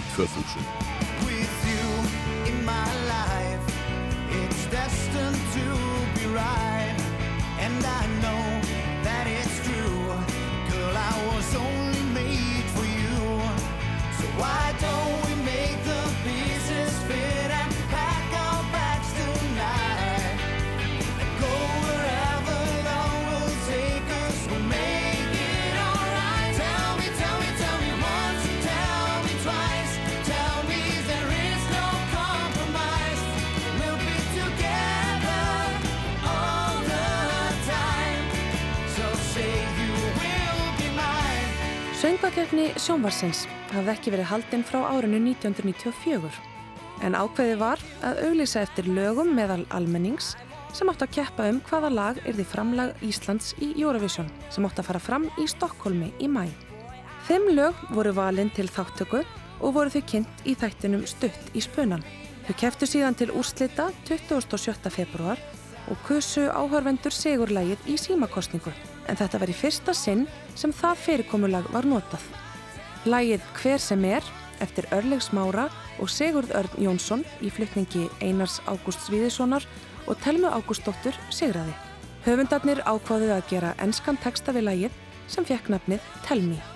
Það er undankeppni fyrir Eurovision í ár og menn voru að fatta það að það er engin duett þannig að það var ákveðið að setja þetta lag hérna sem duett og Telma Ágústóttir, dóttir hans Gústa í Río Tríó, hún átti að syngja það sem sagt og hún var spurð hvern viltu fá með þér til þess að duetta þetta lag? Og hún stakk upp á mér þannig að mér minnir að örlugu smári hafi ringt í mig og spurt hvort ég vildi taka þátt og ég held það nú og fannst mér mikill heiður síndur og ákvaða að fara að taka þátt og, og, og við sem sagt duettum þetta og unnum undankeppnina og fórum út í Svítjóðar og svo klúraði maður þessu svo svona stórkfenglega með pilsinni eins og sumi vilja meina. Og ég var nú bara nýverið að gefa það bara í samt það var hengt upp á, á kaffihús og selfossi núna nýverið inn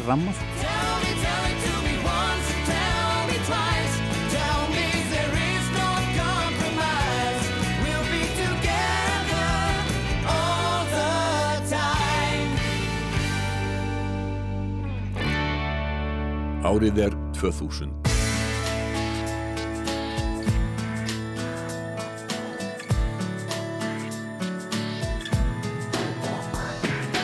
Dag eftir dag, ég hugsa um það. Og tíminn færist svo hægt úr stað. Enginn það sér, því enginn er hér. Það kom út tvö lög þetta sumarið ennþá og með þér eftir Einar Barðarsson og sem sagt Eurovision og þessi tvö lög svona viðhjeldu áfram vinsældu sveitarinn sem hefur verið þarna árin og undan. Þannig að það var allt vittlust að gera. Þarna var komin annar upptökumæður og þarna tekur Þorvaldur Bjarni svona eiginlega við. Þarna var miklu meiri sko pressa varðandi hérna tíma, þarna höfðu bara ákveðna klukkutíma til þess að skila okkur verkinu og þarna gáttum við ekkert verið að liggja og stúdira of mikið og pæla, þarna var við að forvinna rosalega mikið og Þorvaldur náttúrulega rosalega klár og snöggur að vinna og flottur svona hugmyndasmiður. Hann náttúrulega var oft búinn að vinna svona einhverja prívinnu þegar bara áður en við mættum í stúdíu sem hann var bara búinn að setja niður. Þannig að við fengum ekki eins frjálsar hendur þarna, við getum orðað eins og á, við höfum haft í ynga til. Sko. Við heyrðum Einar Ágúst Gunna og Heppa að segja frá hvað var að gerast hjá Skítamóral árið 2000. Hljómsveitin leitaði að nýju til Einars Bárðarssonar sem hafði samið ofursmellin farinn fyrir sveitina tveimur árum áður. Einar laði til tvö ný lög sem komu út á sapskífunni Svona er sumari 2000. Anna lagana var Með þér sem við heyrðum áðan en lagið Ennþá sló í gegn.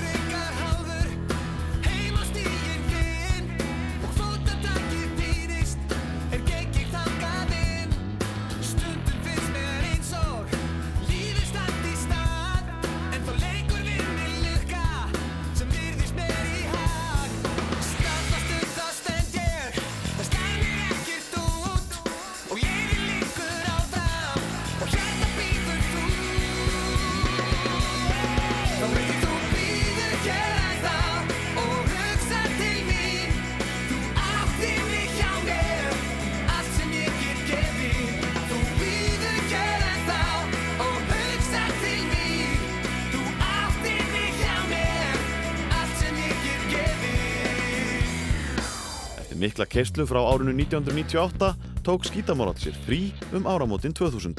Við höfum alveg tekið pásur þarna áður og undan sko en, en sko, ég held að menn hafi bara verið búin að kera sig út. Einar náttúrulega höfðist fara í ákveðin verkefni bara sem hann vildi fara að sinna eins og sólaverkefni og, og svo á sig kannski ekki endilega leik á borðið að vera að starfa með bandinu áfram sem slíku en við ákvaðum þá bara á þessum tíma að þetta verði bara komið gott í bili, við myndum bara setja þetta bara í salt og blása bara í lúran eitt um að setna sem, við- sem við svo gerðum. Ég and þér í nót Ekki hugsa um alla hina. Komdu og vertu fljót Er ég sá til fyrsta sinni Horði auguð þín blá. Unast draumur um mig fór Og ástinn fór á stjá Tvíhöfða piltarnir Jón Gnarr og Sigurjón Kjartansson sendu frá sér sína þriðju plötu undir lok árs 2000. Sem fyrr var aðalega um að ræða sketsa úr útvarstáttum þeirra félaga en einnig fylgdu með þrjú ný lög sem þeir unnu með barða í bankan. Lægið Ú kæra vina var samið og flutt í anda skítamárals. Kæra vina Lofðu mér ástina að sjá veist hvað ég vil fá Árið er 2000.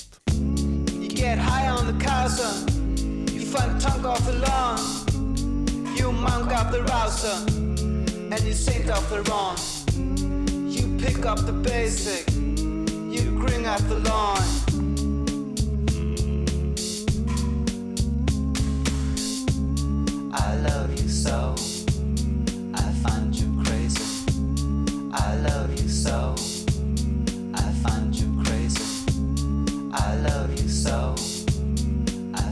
Myndlistamæðurinn Egil Sæbjörnsson sendi frá sér plötuna Tonk of the Lawn um haustið. Egil hafði sendt frá sér plötu árið áður sem var framleitt í 500 eintökum og fór ekki hátt en með þessari plötu náðan mikilli hilli í kjölfar vinsættalagsins I Love You So. Lögin voru tekin upp með einum hljóðnema, kassagítar og tölvu í Berlín þar sem Egil bjó og platan var svo kláruð þér heima í hljóðverinu Gróðurhúsinu með Valgeri Sigursinni sem sáum að hljóðblanda.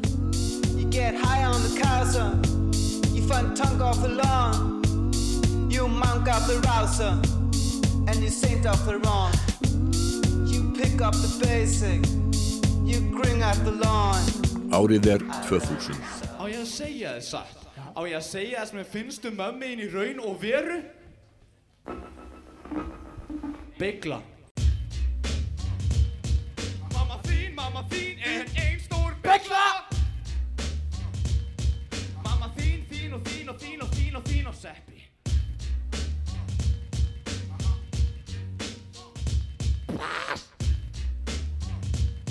Gjallan þín, gjallan, gjalla, gjalla, gjalla þín bín, benn Það var mjög skemmtilegt hérna þegar við unnum músitilunir sem 110 róttalundar út af við vorum fyrsta hljómsveit til að gera það þess að spila á rafmarskítar.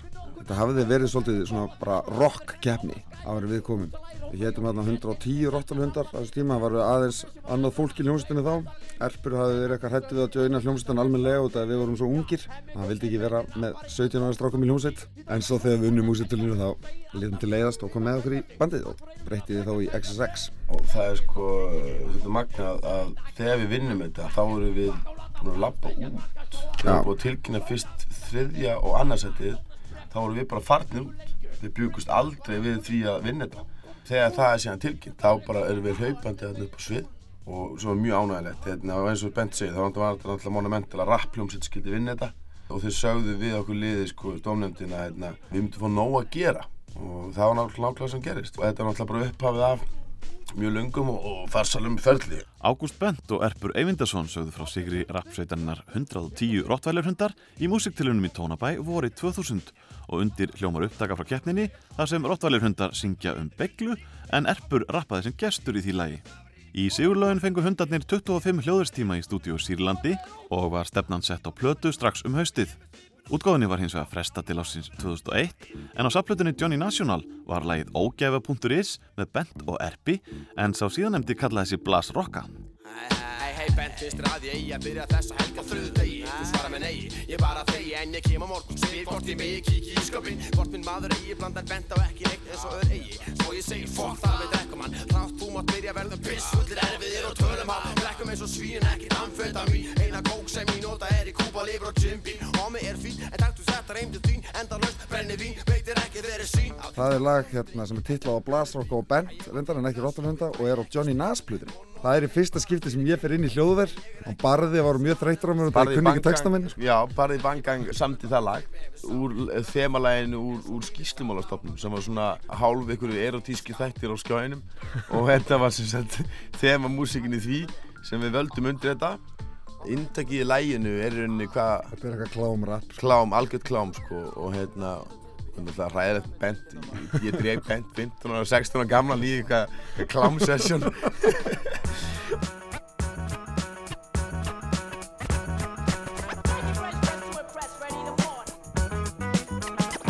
Sjónvastöðun Skjár 1 hefur vakið aðtekli hér í Reykjavík hjá þeim sem að ná henni. Eh, Það er nú ekki svo ígjalangt í það held ég að hún sjáist um all land.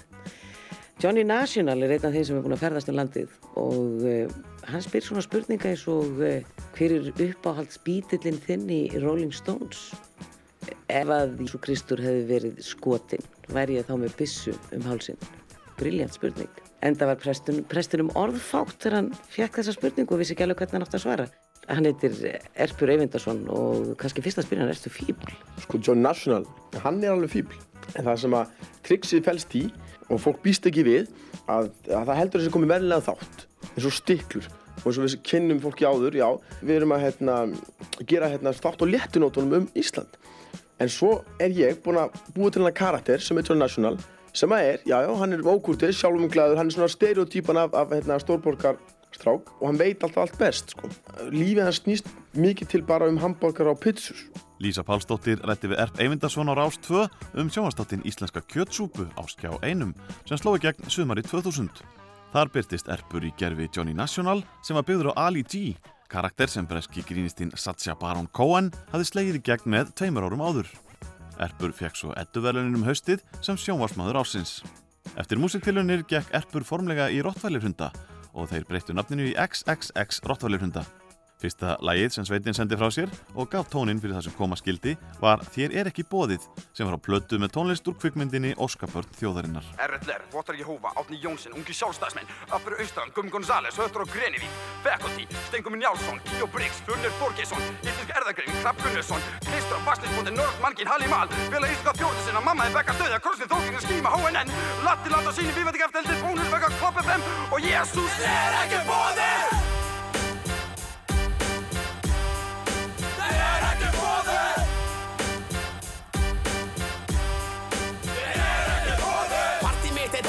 Og Dalma 300 En ég slít hann í sundu, ég er hotbælir hundur. Það er skemmtilegt með þeir ekki bóðið út að við unnum aldrei á þessu sem einhverjum singul. En þetta er all, alltaf, alla tíð verið svolítið svona aðalæðið okkar. Þetta er aðalæðið okkar. Og það sem er magnaðið með þetta því að þetta var ekki, við gerum ekkert myndband við þetta neitt slíkt. Og, hérna, og þetta lag fekk aldrei sko eitthvað kist, eitthvað spilin í útgarpi meðal annars vegna þess að það er svo mikið verið að drulla yfir einlega bara alla sko í þessu lagi og þar var meðal til dæmis alla helstu DJ-ana á FM og svo framins og þetta lag fekk enga spilun en þetta var samt, þetta er, rauninni- þetta er lagi sem við endum alltaf á, þetta er stærsta rockulega lagi sko. Rap, ég hætti að hlusta á þessa músík í áttundabæk Ég er ekki bóðið! Heyrðu mig, þið var nú ekki bóðið Hey, what's up, hvað meinaru maður? Jesus, það fucking er fyrir mig? Ég er fucking batla og þú rýmur, ég er fucking bestur af á Íslandi. Já, en þið var nú samt ekki bóðið, þú voru að fara út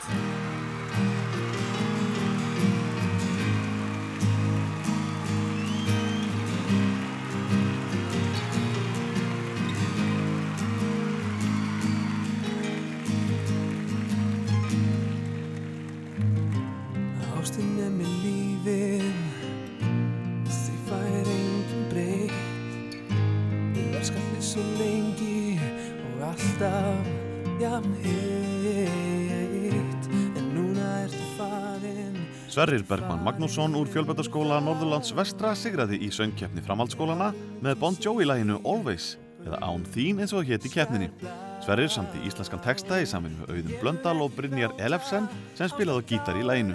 Var svo ári síðar sem útgáfan úr söngkeppninni rataði inn á spilunarlista útastöðurinnar FM 957 og varð mjög vinsælt og ákveði var að búa til nýja útgáfu sem hljómar hér undir.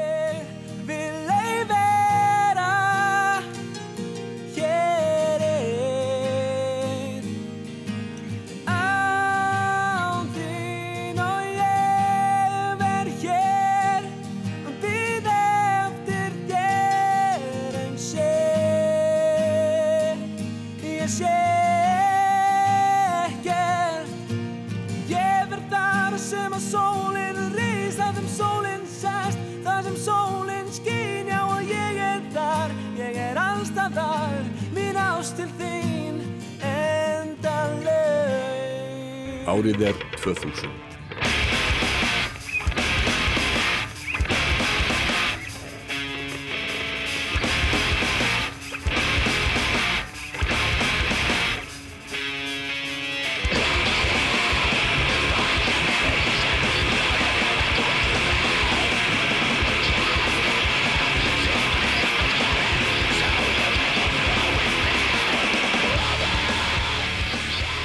gerðum sagt Jesus Christ Bobby sem við gerðum í samstæri með Körver. Eins og ekstrím og hún er þá er mitt sko vissu við samtalið hvað við vildum gera. Fyrir sumir er hún bara háfaði en það við vildum með mitt, við vorum aðhyllast að háfað á þeim tíma, noise eins og það kallast.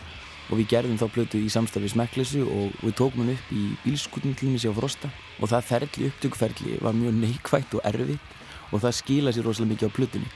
Við vorum alveg að trillast í, í gerð þessara plötumanni og hérna, það var svona innri konfliktar en svona eftir á higgja sé ég bara að það gerir plötunni gott sko.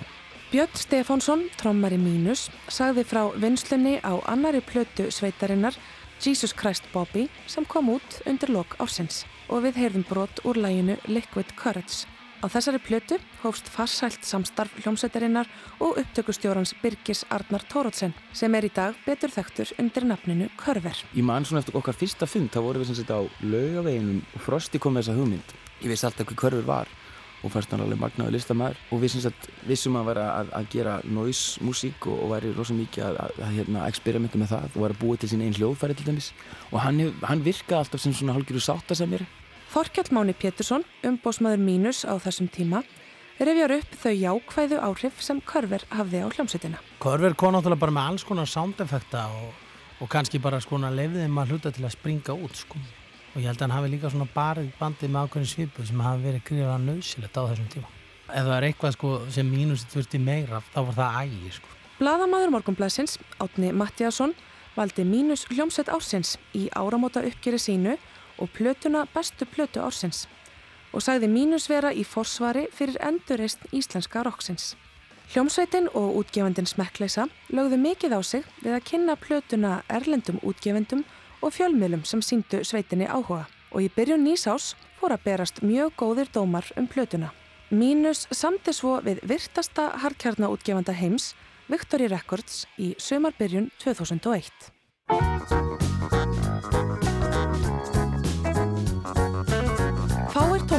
höfðu ekið Reykjanesbrautina jafnoft og Rúnar Júliusson sem var orðin leiður á umræðinni um nöðsinn þess að tvöfalda þennan fjölfarna veg og tók til sinna ráða með útgáfu á tvöföldu plötinni Reykjanesbrautin sem kom út fyrir jólinn 2000. Margir textana tengdust Reykjanesbrautinni beint og á umslægi plötunar stóð Rúnar með bassan úti í hraunni með Reykjanesbrautina í baksing.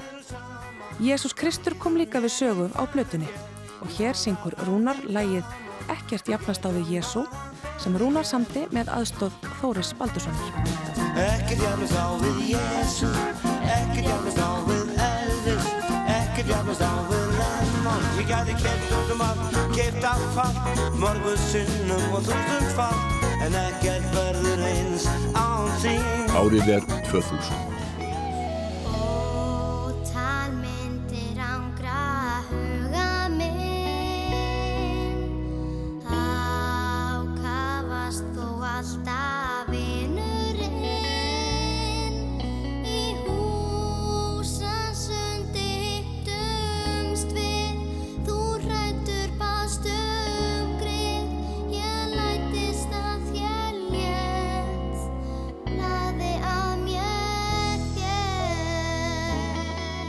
Jóhanna Guðrún Jónsdóttir, nýjára stúlka úr Hafnafyrði, sem hafði stundað söngnám hjá Marju Björk Sverrisdóttur, gaf út sína fyrstu plötu undir lok árs 2000, þar sem hún söng 11 erlend poplög við íslenska texta. Og eitt þeirra var gamla Michael Jackson-lægið Ben, sem fekk nafnið Villikötturinn. Platan seldist gríðarlega vel og náði fyrsta sæti tónlistans í fyrstu viku desembermánaðar og ljóst að ný íslensk barnastjarnar var fætt. Jóhanna hjælt toppsæti breyðskifilistans til jóla og platan sem var samnemnd söngkoninni ungu endaði sem ein sölahæsta plata ársins. Páll Rósenkrans var sigurvegari ásins ef svo mætti segja því platan No Turning Back þar sem hann söng engöngu erlend tökulög seldist í rúmlega 15.000 eintökum og dágáður hluti var seldur í símasölu. Platan Ljós og skuggar með Dittu seldist í tæpum 10.000 eintökum, hljómplata Selmu Live Won't Wait seldist líka vel og saman má segja um plötuna Annar Máni með Sálinas Jónsmins. Sumari 2000 kom hljómsveitin utangarsmenn saman á ný eftir langt hlið eins og áður hefur verið getið og sáplatan Fuglin er flógin var gefin út. Þeir fengu af því tilefni að fendar platínuplötur fyrir rúmlega 10.000 seld eintök af plötunni Geislavirkir sem kom uppalega út árið 1981. Og þá er árið 2000 senn á enda. Ég heiti Sigriður Tólasíus. Umsjónumenn þáttarins eru Ásker Eithórsson og Gunnlaugur Jónsson og Jónatan Garðarsson aðstóðaði við handritskerð. Í næsta þætti skoðum við Íslenska tónlistarárið 2001 en við endum á Megasi sem hlaut vellaun Jónasar Hallgrímssonar á degi íslenskar tungu þann 16. november. Valið kom mörgum óvart þó flestir væri á þeirri skoðun að þessi meistari orðs og hljóma ætti þetta fyllilega skilið. Megas hafði unnið að plötunni Svanasöngur á leiði með Jóni Ólafsinni og þar voru lögin færð í afar einfaldan búning.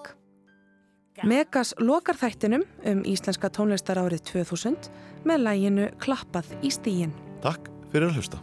Ég vakna á blómornana og maðra leinum og mjölka ég kýrina berglindi og jú, ég er alls ekki kvenlegustu kaunumannu kaupið á en barasta dvergbindi Þetta er einnótt að sprauta og ég á þess að skauta.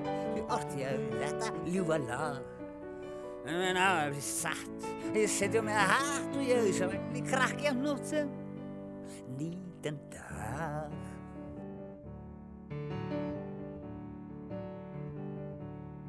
Og ég sem stendur á knípu og gáðan í dalinn. Gaman vel að láta sér detta Já, það var það ein ég smalinn fengi aldrei framarinn tól rétta. Ég er á förum að lita fjarlagum börum og fölum Betrum með þetta ríti og sen Búttisma og hvaðið þinni Sjáðum um inni í sundi djúbu byrta þá er þeir sjálf klær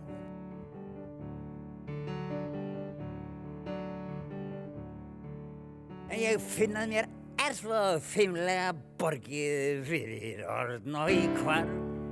Það er und að lækna lækningatorkið er að sem þarf og svo kem ég að fötur til hverfis götu kúlaði sem enginn veit.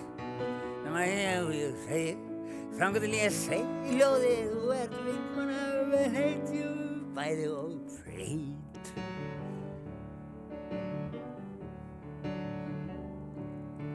Það er sjálf hættast þegar hættast stendur og helgin blind og andast í botni.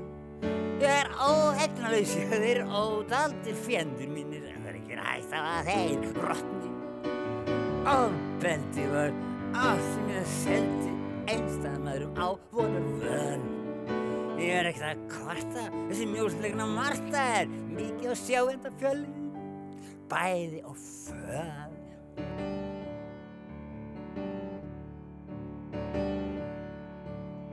Sjáðu hana þessa laungu línu, hún leikur svo feit út í geimi. Ég hefði myndi eldan á hjólunum mínu ef það hefði ekki slitnað hjá mér reymin. Og nú er að grísa hvert nefnðu vísa að nákvæm pæling á streng. Farðu í austur og finn þar klaustur og þú fyllir allir enda lausu